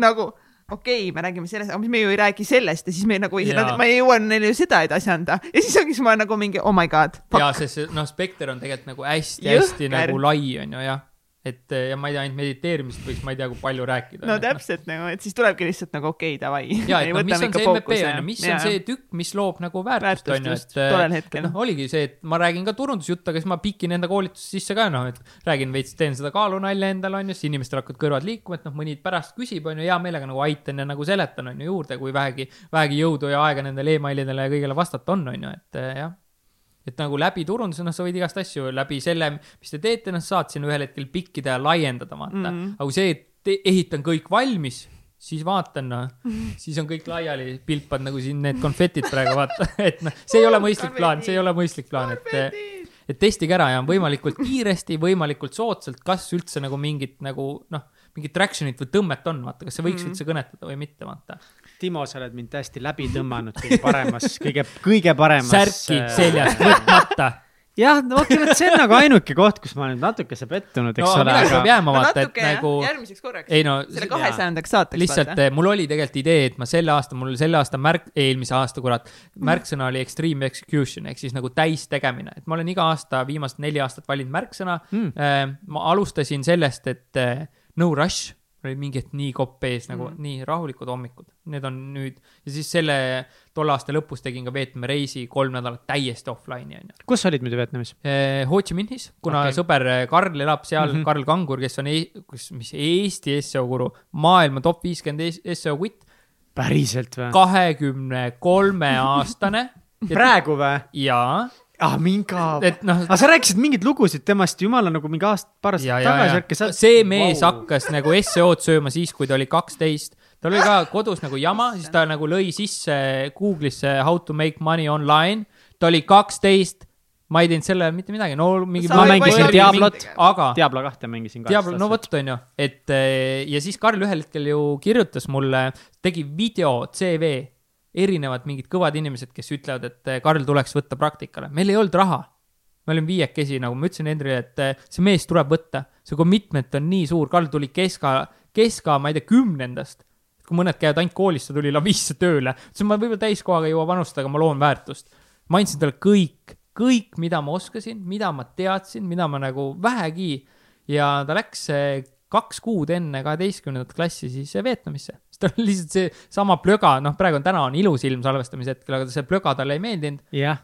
Ta läks Vietnamisse, ta on tänaseks olnud seal mingi neli või viis aastat juba, onju. mulle ka Vietnam väga meeldis no,, reaalselt. Ma ka mitu korda nagu mõlgatasin, et issand, mis oleks siin elada, et ma olin, Danangis olen käinud kaks aastat jutti samas kohas ja no seal. Vietnam on väga palju, on seal väga üllatavalt Oi, head. vaata, eestlane läheb nagu Taisse, ma olen Tais käinud kaks korda, no üks kord, kui me käisime, siis me elasime öösiti Karliga seal ainult, noh, ehk siis nagu pidune, onju, aga ma valget Taid väga ei näinud tol no, korral. vallalise mehe elu. ja just, see on väga, väga tore, onju, vajutad gaasi põhja, elu on nagu chill. et aga Eh, ma ei saa aru, miks väga, nagu väga paljud eestlased lähevad Taisse, aga nad ei lähe Vietnamisse, sest eh, Vietnamis esiteks minu arust inimesed on sõbralikumad yeah., toitu on valikus ja kogu toidukultuur oluliselt suurem, see on rohkem avastada, rohkem käia ma ei tea, no ma mõtlen nagu tai kööki versus Vietnami köök, minu arust Vietnami köök on nagu kordades. päriselt või? okei seda ma isegi oleks arvanud. jaa, ja siis ongi äh, Talatis, käinud seal keskel ja siis äh, minu jaoks on sihuke rannapiirkond ja ülimõnus on see Muine, et seal ma olen tavaliselt kaks nädalat, kolm nädalat okay. ja siis oligi, ma olin esimest äh, korda Vietnamis. Karl võttis mind seal vastu, tal oli kohalik naine, noh, ma nägin mingeid kohti, kuhu võib-olla nagu turistina vaata sa ei satu, ülilahe.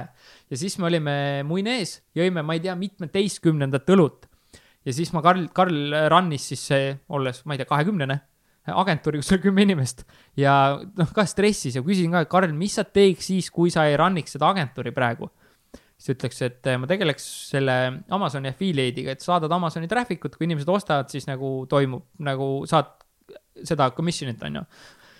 siis ma ütlesin, et aga teeme. Karl ütles, aga teeme ja tulin tagasi ja nüüd on meil kolmkümmend, kolmkümmend, kolmkümmend, Karl, Henri, mina ja selle aasta november ja detsember olid väga ilusad kuud, et me olemegi nüüd aidanud Amazoni kaupmeestel müüa miljoni dollari Eestis. see ei ole meie osa, see miljon ei ole meie osa, meie osa on oluliselt väiksem yeah.. aga niimoodi sai näiteks alguse, et. aga mis ta oma agentuuriga tegi? Eh, tal olid investorid seal, ta läks selle, jättis pooleli. investorid olid seal, mis asi? ja, ja, ja täna Karl juhib siis seo agentuuri äh,, kurat, ma ei mäleta, mis selle nimi oli, USA-s, ühesõnaga mingi kakskümmend inimest, kutt on nagu mehe aga kõike teeb äh, läbi äh, video vahenduse nagu? jah, jah, veetmis kodus ja üliheas vormis, et me Karliga, noh, Karliga meil on kogu aeg sihuke, kui ta Eestis oli ka siin nagu üksteisele mingid challenge'id on ju. mis selle Karli perekonna nimi on? kangur. Karl Kangur, jah, see ütles. et veetmis ka, siis kui ma esimest korda seal olin. Karl Kangur saates. absoluutselt, kindlasti, et see on nagu üliäge et.... Jesus Christ, kus poiss on põkk või? ma räägin oh sa raisk me oleme teinud nalja, et meil oli kunagi Laviis tööl kaks Karli ja siis äh, üht, seda kangurit hakkasime kutsuma väikseks Karliks, aga sellepärast, et ta on noorem, siis me Hendriga ütlesime, vaata, mis monstri me lõime oh my god, aga see... nagu noh, aga ta, selles mõttes ta, ta on ikka nagu, ta on väga suur põkk ja on... heavy, aga ta, see ei ole nagu see noh, nagu vastikult. ja, ja, aga nagu, see on wow., ta on üli committed, üli nagu noh, minu täielik inspiratsioon, et jälle see nagu mõte siinjuures on see, et nagu sa anna inimestele nii palju, kui sa saad ja sa ei tea kunagi, kui palju sa sealt vastu võid nagu saada, et noh, ja siis oligi, ma olin esimest korda Vietnami tripil, siis ma olin pojast nagu pikalt eemal olnud ja ka, ka juba purjus vaata ja siis ütlesin ka, et nagu nutsin seal, et ma olen ikka kehv isa pojal ja saaks nii palju asju paremini, siis Karl lõi mul lahtise käega. ütles, mees, sa oled mulle rohkem isa kui mu isa, siis ma sain aru, mul on teine poeg veel. et mm. üliäge, et nagu see on nagu, et jaa, see aasta väga kahju, et me ei saa kohtuda et eh, aga tuleb jälle piirid avanevad, siis saab Karlile külla minna, et eh, ulmetüüp, see on ulmetüüp. Karliga saab teha ka Taibe Eestis tulemas saadet. jah, muidugi saame teha. tehke kindlalt, et selle mehe lood oh, oh, hoidke pead ja ma mütsi. tunnen jälle ennast nii väiksena. aga Karlil külas käib, mul on alati sama. mitte ainult füüsiliselt, nagu oma enesearengult ja oma, ja oma teekonnalt ja kuulates nagu sind ja siis aga see on see, et siis sa ütlesid just seda, et mis sul oli selle esimese, kui sa panid aastatele sõnasid, esimene aasta oli see no rush, et siis ma, ma kohe nagu proovisin ennast maha rahustada, et davai, Mihkel, nagu no rush, et sa oled oma teekonnal. ma kuulan no nagu just, sind vaata. ja ma mõtlen lihtsalt, et nii imeline, ma tahaks juleta neid otsuseid, mis sa oled teinud, ma tahaks elada seda elu, mida sa elad, ma tahaks olla nagu see Karl sa aga sa saad, Sa sa saad, saadki sa seda teha, vaata ja see on nagu ma ütlen ka, et see nagu ei ole mõtet võtta, see on kõige halvem asi, mis saad teha või noh, mis kõige halvem, halb asi, mis saad teha, saad hakata võrdlema ennast kellegi Ei. ma tohi, tunnen tohi, samamoodi jaa, Karli kõrval, issand jumal, nagu noh, ongi. mis sa kümme aastat teinud no oled. just, no nagu oleks ainult mune süganud, vaata, et nagu noh, see mees juba, kus maal ta on, mis edu see ja siis Karl ütles, et ja va-, Sorry, yes Karl. ja siis Karl, Karl ütles, et ütles ka, ma kadestan Kristot, et tal on selline isa, mis edumaa, vaata, ma ütlesin, Karl ja Vau. mäletad nagu, mis on ju nagu Mm. sul on, et ühesõnaga kõigil on nagu ka joostes, kõigil on oma Jah. jooks, vaata Jah.. Ja see juhtub mitte nagu kas, vaid millal mm. -hmm. ma olen ka kuidagi vaherahu teinud, onju, et noh, ma sama, kui ma hakkan mõtlema, sa ütled, oo, mis kõva vend, vaata, siis ma mõtlen, aga Pipedrive, vaata, miljard, mis mina, mõttetu mm. -hmm. et noh, nii sa ei saa elada, vaata Mhm. et eh, step by step, et ongi, ma olen öelnud ka, et sul peab olema inimesi, kes on sinust tagapool, neid aidata, sul peab olema võrdseid partnereid ümber, kes sind nagu suruvad ja sul peab olema ka mõni mentor või inimene, noh, kes on sinust eespool, kellelt kogu aeg siis õppida, vaata, siis sa lood sellise nagu mõnusa keskkonna, kus sa nagu kasvad ja arened, onju. ja ongi, ega see ei juhtu üleöö, sa hakkad nagu joostes väikeste sammudega minema, noh. selle suurepärase mõttega ma tahaks seda asja hakata kokku siduma, Katrin. ja ma küsin veel viimase Jaa, küsimuse, enne meie välkküsimusi muidugi. Ah õige, need ma olen, ma olen ära unustanud, mis need olid. ja, ja, et aga mis see või kas üldse on su täna, tänased väljakutsed, millega sa nagu tegeled või on tänaseks juba nagu noh, oi, ei, nüüd on mis nagu, asja, nalja teed või? enam pole täna ma väljakutseid. tegin Instasse esimese mingi selle selfie kurat video raisk, käsi värises nii et vähe ei mida olnud. pikki, ma nägin seda jumala lahe video no oli väga. hea, väga hea. see ei saa olla su esimene. on küll, no selles mõttes sihuke nagu kaameraga teen, vaata, et ma olen nagu kaamera ees väga palju, ma võin sinna kaamerasse nagu endless nagu rääkida. Et nagu ise nagu kuidagi nagu. esimene või? jah, see oli esimene. sa teed turundusagentuuri ja sa tegid esimese no vot, ma käisin kunagi sotsiaalmeedia konverentsil, ütlesin, mul ei ole Instagrami, Facebooki, ma ei ole kaks aastat kerinud ja ma olen siin. Äripäev, jookske mind pikali või mitte, aga ma räägin kanalitest, mis raha toovad, onju. et ma tegelikult olin, ma lugesin siukest raamatut nagu Deep Work ja ma kustutasin ära Mm. See on ülihea raamat, süvenemine eesti Ei keeles ma olin Vietnamis, ma kuulasin seda ja ma läksin Vietnamisse juba sotsiaalmeedia paastu ideega ja ma juba tegin seda. ma ei teinud postitust, et nüüd ma lähen ära. lihtsalt gone, vaata, mis juhtub. mis juhtus äh,? midagi. õde, vanem õde Kristi helistas, et äh, kuule, et äh, sa ei ole kolmkümmend päeva postitanud, kas kõik okei okay?? teised, need ei märganud keegi, et sa oleks ära kadunud, vaata. et Wow, ja sealt tekkis mul see, et ma ei naasnudki kaks aastat, ma ei kerinud Facebooki seina. mul on siiamaani, mul ei ole feed'i. Facebook Mm. Newsfeed killer, muidu mm. lähed ja juba scroll'id, otsid põhja, vaata, sest noh, soovitan vaadata, mis see Social Dilemma, väga hea Jaa,, väga hea väga hea film. ja siis, siis ma jah, kaks aastat ei postitanud üldse ja siis, siis nüüd jälle tegutsen, sest olla nagu inimestele lähemal, mõista neid, aga noh, ma arvan, väljakutse turunduslaboris kasvada selliseks liidriks, et olla inimeste jaoks olemas, run ida neid ettevõtteid ja neid suhteid, mis partneritega täna käivitatud on, et olla neile hea partner, et seal on nagu väga palju tööd ja noh, keha võiks rohkem nagu trimmi ajada ja vormi ajada ja nagu Karlikene. nagu Karl. Ikka no, peab Karliga võrdlema. väga eeskuju no,. mul oli, mul on üks küsimus teile. mis mu õed minu kohta rääkisid? Äh, väga paljud asjad, millest me täna rääkisime, olid äh, mitte selles mõttes kaetud, aga olid teemad, mida su mõlemad õed okay. ütlesid, et võiks sinu käest küsida just kaalulangetus, sinu väljakutsed ettevõtte okay. ehitamisel, ka nemad okay. nägid, et see oli üks suurimaid äh, väljakutseid sul äh,. Väga just see toit, see teadlikult toitumine, see iseloomu kasvatamine, see intermittent fasting, suhkruvaba elamine ehk ole Mhm. mm -hmm. mugavustsoonist kogu aeg välja tulemine toodi välja. just see, mõlemad mainisid ka seda õpihimulisust mm -hmm. Mhm. ja seda iseloomu see nälg on jah. ja, ja mõlemad ütlesid just, et enesearengu teema millest me väga palju rääkinud, Keidi noorem õde, et äh, ka, et just reisimist rohkem, aga täna me sellel nagu nii pikalt ei jõudnudki peatuda, et sa olid reisimise vastane, nüüd Just. enam ei ole, ja õde siiamaani viskab puid mulle selle eest jumala õige asja eest, vaata. ma olin mm. -hmm. nagu kolmkümmend, kolmekümneselt hakkasin reisima, noh. Ja nemad ka näiteks äh, näevad, Keidi näeb, et, et tundub, et sinu poeg on nagu, ei ole pidanud kannatama teie lahkumineku pärast, vaid et see on teil nagu no ma püüdsin noh, nii nagu soft'ilt kui võimalik, eks tal kindlasti on, noh, aga ma olen valmis neid Aa. teemasid temaga lahkama, vaata kui need aga tead, mis on naljakas, Kristi vanem ütles teemad, millest pigem mitte rääkida, isa teema. aa, väga huvitav. aa, nagu sinu isa teema okei, jaa. ma sain aru, et noh, et, et üks õde ütleb, et rääkige seda poja asja, teine ütleb ära räägi sellest. Nagu ma, no nad ongi natuke erinevad ka, vaata mul üliarmsad mõlemad, et. ja, aga ta peab seda sinu isa teemat mida sa ise vaata mainisid ka. ja, ja, et see jah, mul nagu luukeresid kapis ei ole, et pigem on see, et kui sa oled võimeline rääkima, noh siis sa protsessidki neid asju nagu läbi, vaata, et eh, tead, mis Kristi veel ütles, sa oled parim onu Kristi lastele. aitäh. kas sa oled ka ainuke onu? ja ei, ei, ei ole, ei ole, Ei ole ma annan endast maksimumi, nendega, nad on ka nii suured, et seal Iirimaal olid ka, siis nad küsisid. Timo, ma olen mõelnud, võiks saada ettevõtjaks, mis oleks esimene raamat, mis ma võiks lugeda, mul nii, nii äge, noh, saab nagu aidata, vaata. ja mis sa ütlesid? rikas isa, vaene isa ja Mm, kinkisin neile kooli alguse puhul mõlemale raamatut, kirjutasin sisse ja let's go noh. mega. eks ma Ega. püüan, ma ei ole alati olnud see hea onu, et eks on olnud neid eh, raskemaid aegu, kus sa ise nagu teed rohkem, aga jaa, viimasel kolmel aastal mul tekib nagu ulmeside nende lastega, et eh, nad on nagu minu lapsed. Ehm, esimesel küsimusel ma ei tahakski enam väga palju peatuda, mis on meie välkküsimuste esimene küsimus, aga sa võid mõelda, kas on midagi, mida sa võib-olla unustasid öelda või midagi lisada, aga sa ei pea uuesti siis üle käima, ehk siis küsimus on, kas sul on olulisi rutiine või harjumusi, mida sa jälgid igapäevaselt või iganädalaselt? jaa, on palju. jah. kas me kõigest rääkisime? No noh, sihuke Mhm. toitumine, uni kindlasti korras, jooge nagu juua vett, onju, et sinna jah, et siis on lihtsalt see energiatase on, et ma otsin ise ka minu sihuke praegune challenge on otsida järgmist energiataset, ma siin proovisin kakskümmend kolm päeva olin täitsa nagu vegan.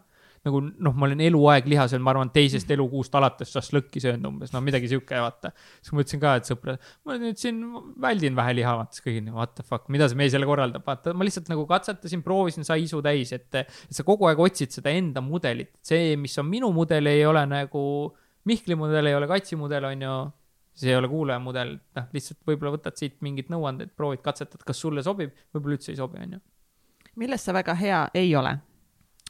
Laulmine, joonistamine, pilli mängimine, see on kõik ikka väga mööda läinud, et sellega jah, ma laulan küll siis, kui ma käin kontserditel, siis kui kõik röögivad rasket muusikat, siis ma laulan, vaata, siis keegi ei kuula, see on hea. mille üle sa oled kõige uhkem oma elus? ma olen poja üle. poja üle, pere üle, nende sõprade üle, et see, ma just eh, täna siia ja- nagu tulin, siis ma mõtlesin ka, et uskumatu, et noh, ka nagu võttes ainult Hendrit, kui igal inimesel oleks üks sihuke sõber nagu Hendri, ta oleks nagu või sees. Henri, sa oled parim. ja mul on, ma arvan, sihuke nagu kümme, kümme sõpra sellist nagu, kes on tõesti nagu, kes nagu elavad kaasa, nad nagu päriselt süvenevad, vaata, et eh, ja elanud sellel teekonnal, toetanud, vaata, nõu andnud, et noh, ilma nendeta ei oleks, ei istuks ma tõenäoliselt siin, vaata. mis see küsimus oli? see oli super. järgmine. mis on edu võti? Eh, ma arvan, et eh, andmine, et sa lood mingit väärtust, sa annad seda väärtust välja, õppimine ja tegemine ja tegemine ja tegemine ja tegemine. et jaa, teha on eh, kõige rohkem nagu vaja, et loed kümme prossa, teed üheksakümmend, vaata. mis on kõige pöörasem asi, mis sa elus teinud oled ja kas sa teeksid seda uuesti? Mõned asjad jäävad Vegasesse, mõned jäävad Ho Chi Minhi, mõned jäävad Bangkoki. mis vastus see on Aga-, jäävad asjad sinna? aga ma arvan, ma arvan, on? et see sada üksteist kilti oli, see oli nagu selles mõttes pikaajalise, pika perioodi jooksul nagu sihuke pöörane aeg. aga mis toimus Ho Chi Minhis? seal oli, sa kurat niimoodi ausalt küsid, seal oli üks eh, Brasiilia neiu, täiesti nagu võõras, me saime Tinderi kaudu kokku, kelle rolleri taga ma sõitsin, ma ei tea kuhu. nagu kuskile suunas, see oli hull vabanduse tunne, see oli väga lahe. Davai. kas sa raamatuid ka loed oota, mul oli siis skaalast ühest kümneni, kui veider sa oled ka see ka. veider, ma arvan, mingi kõva kaheksa-üheksa. ma arvan, jah. ikka veider. ikka. veider ja et ikka sõbrad vaatavad, noh, noh, nad on juba leppinud sellega, vaata, aga ikka vaadatakse nii-öelda alt kulmu. ennem veel eh, üks küsimus, see, et eh, kus eh, meie muidu kuulajad sinu tegemistel kõige paremini siis saavad silma peal hoida, ma saan aru, et nüüd Instagram läheb käima. ja Instagram, kui mul follower ei tule, siis ma rohkem videosid ei tee, Timo Porvel leiate sealt üles.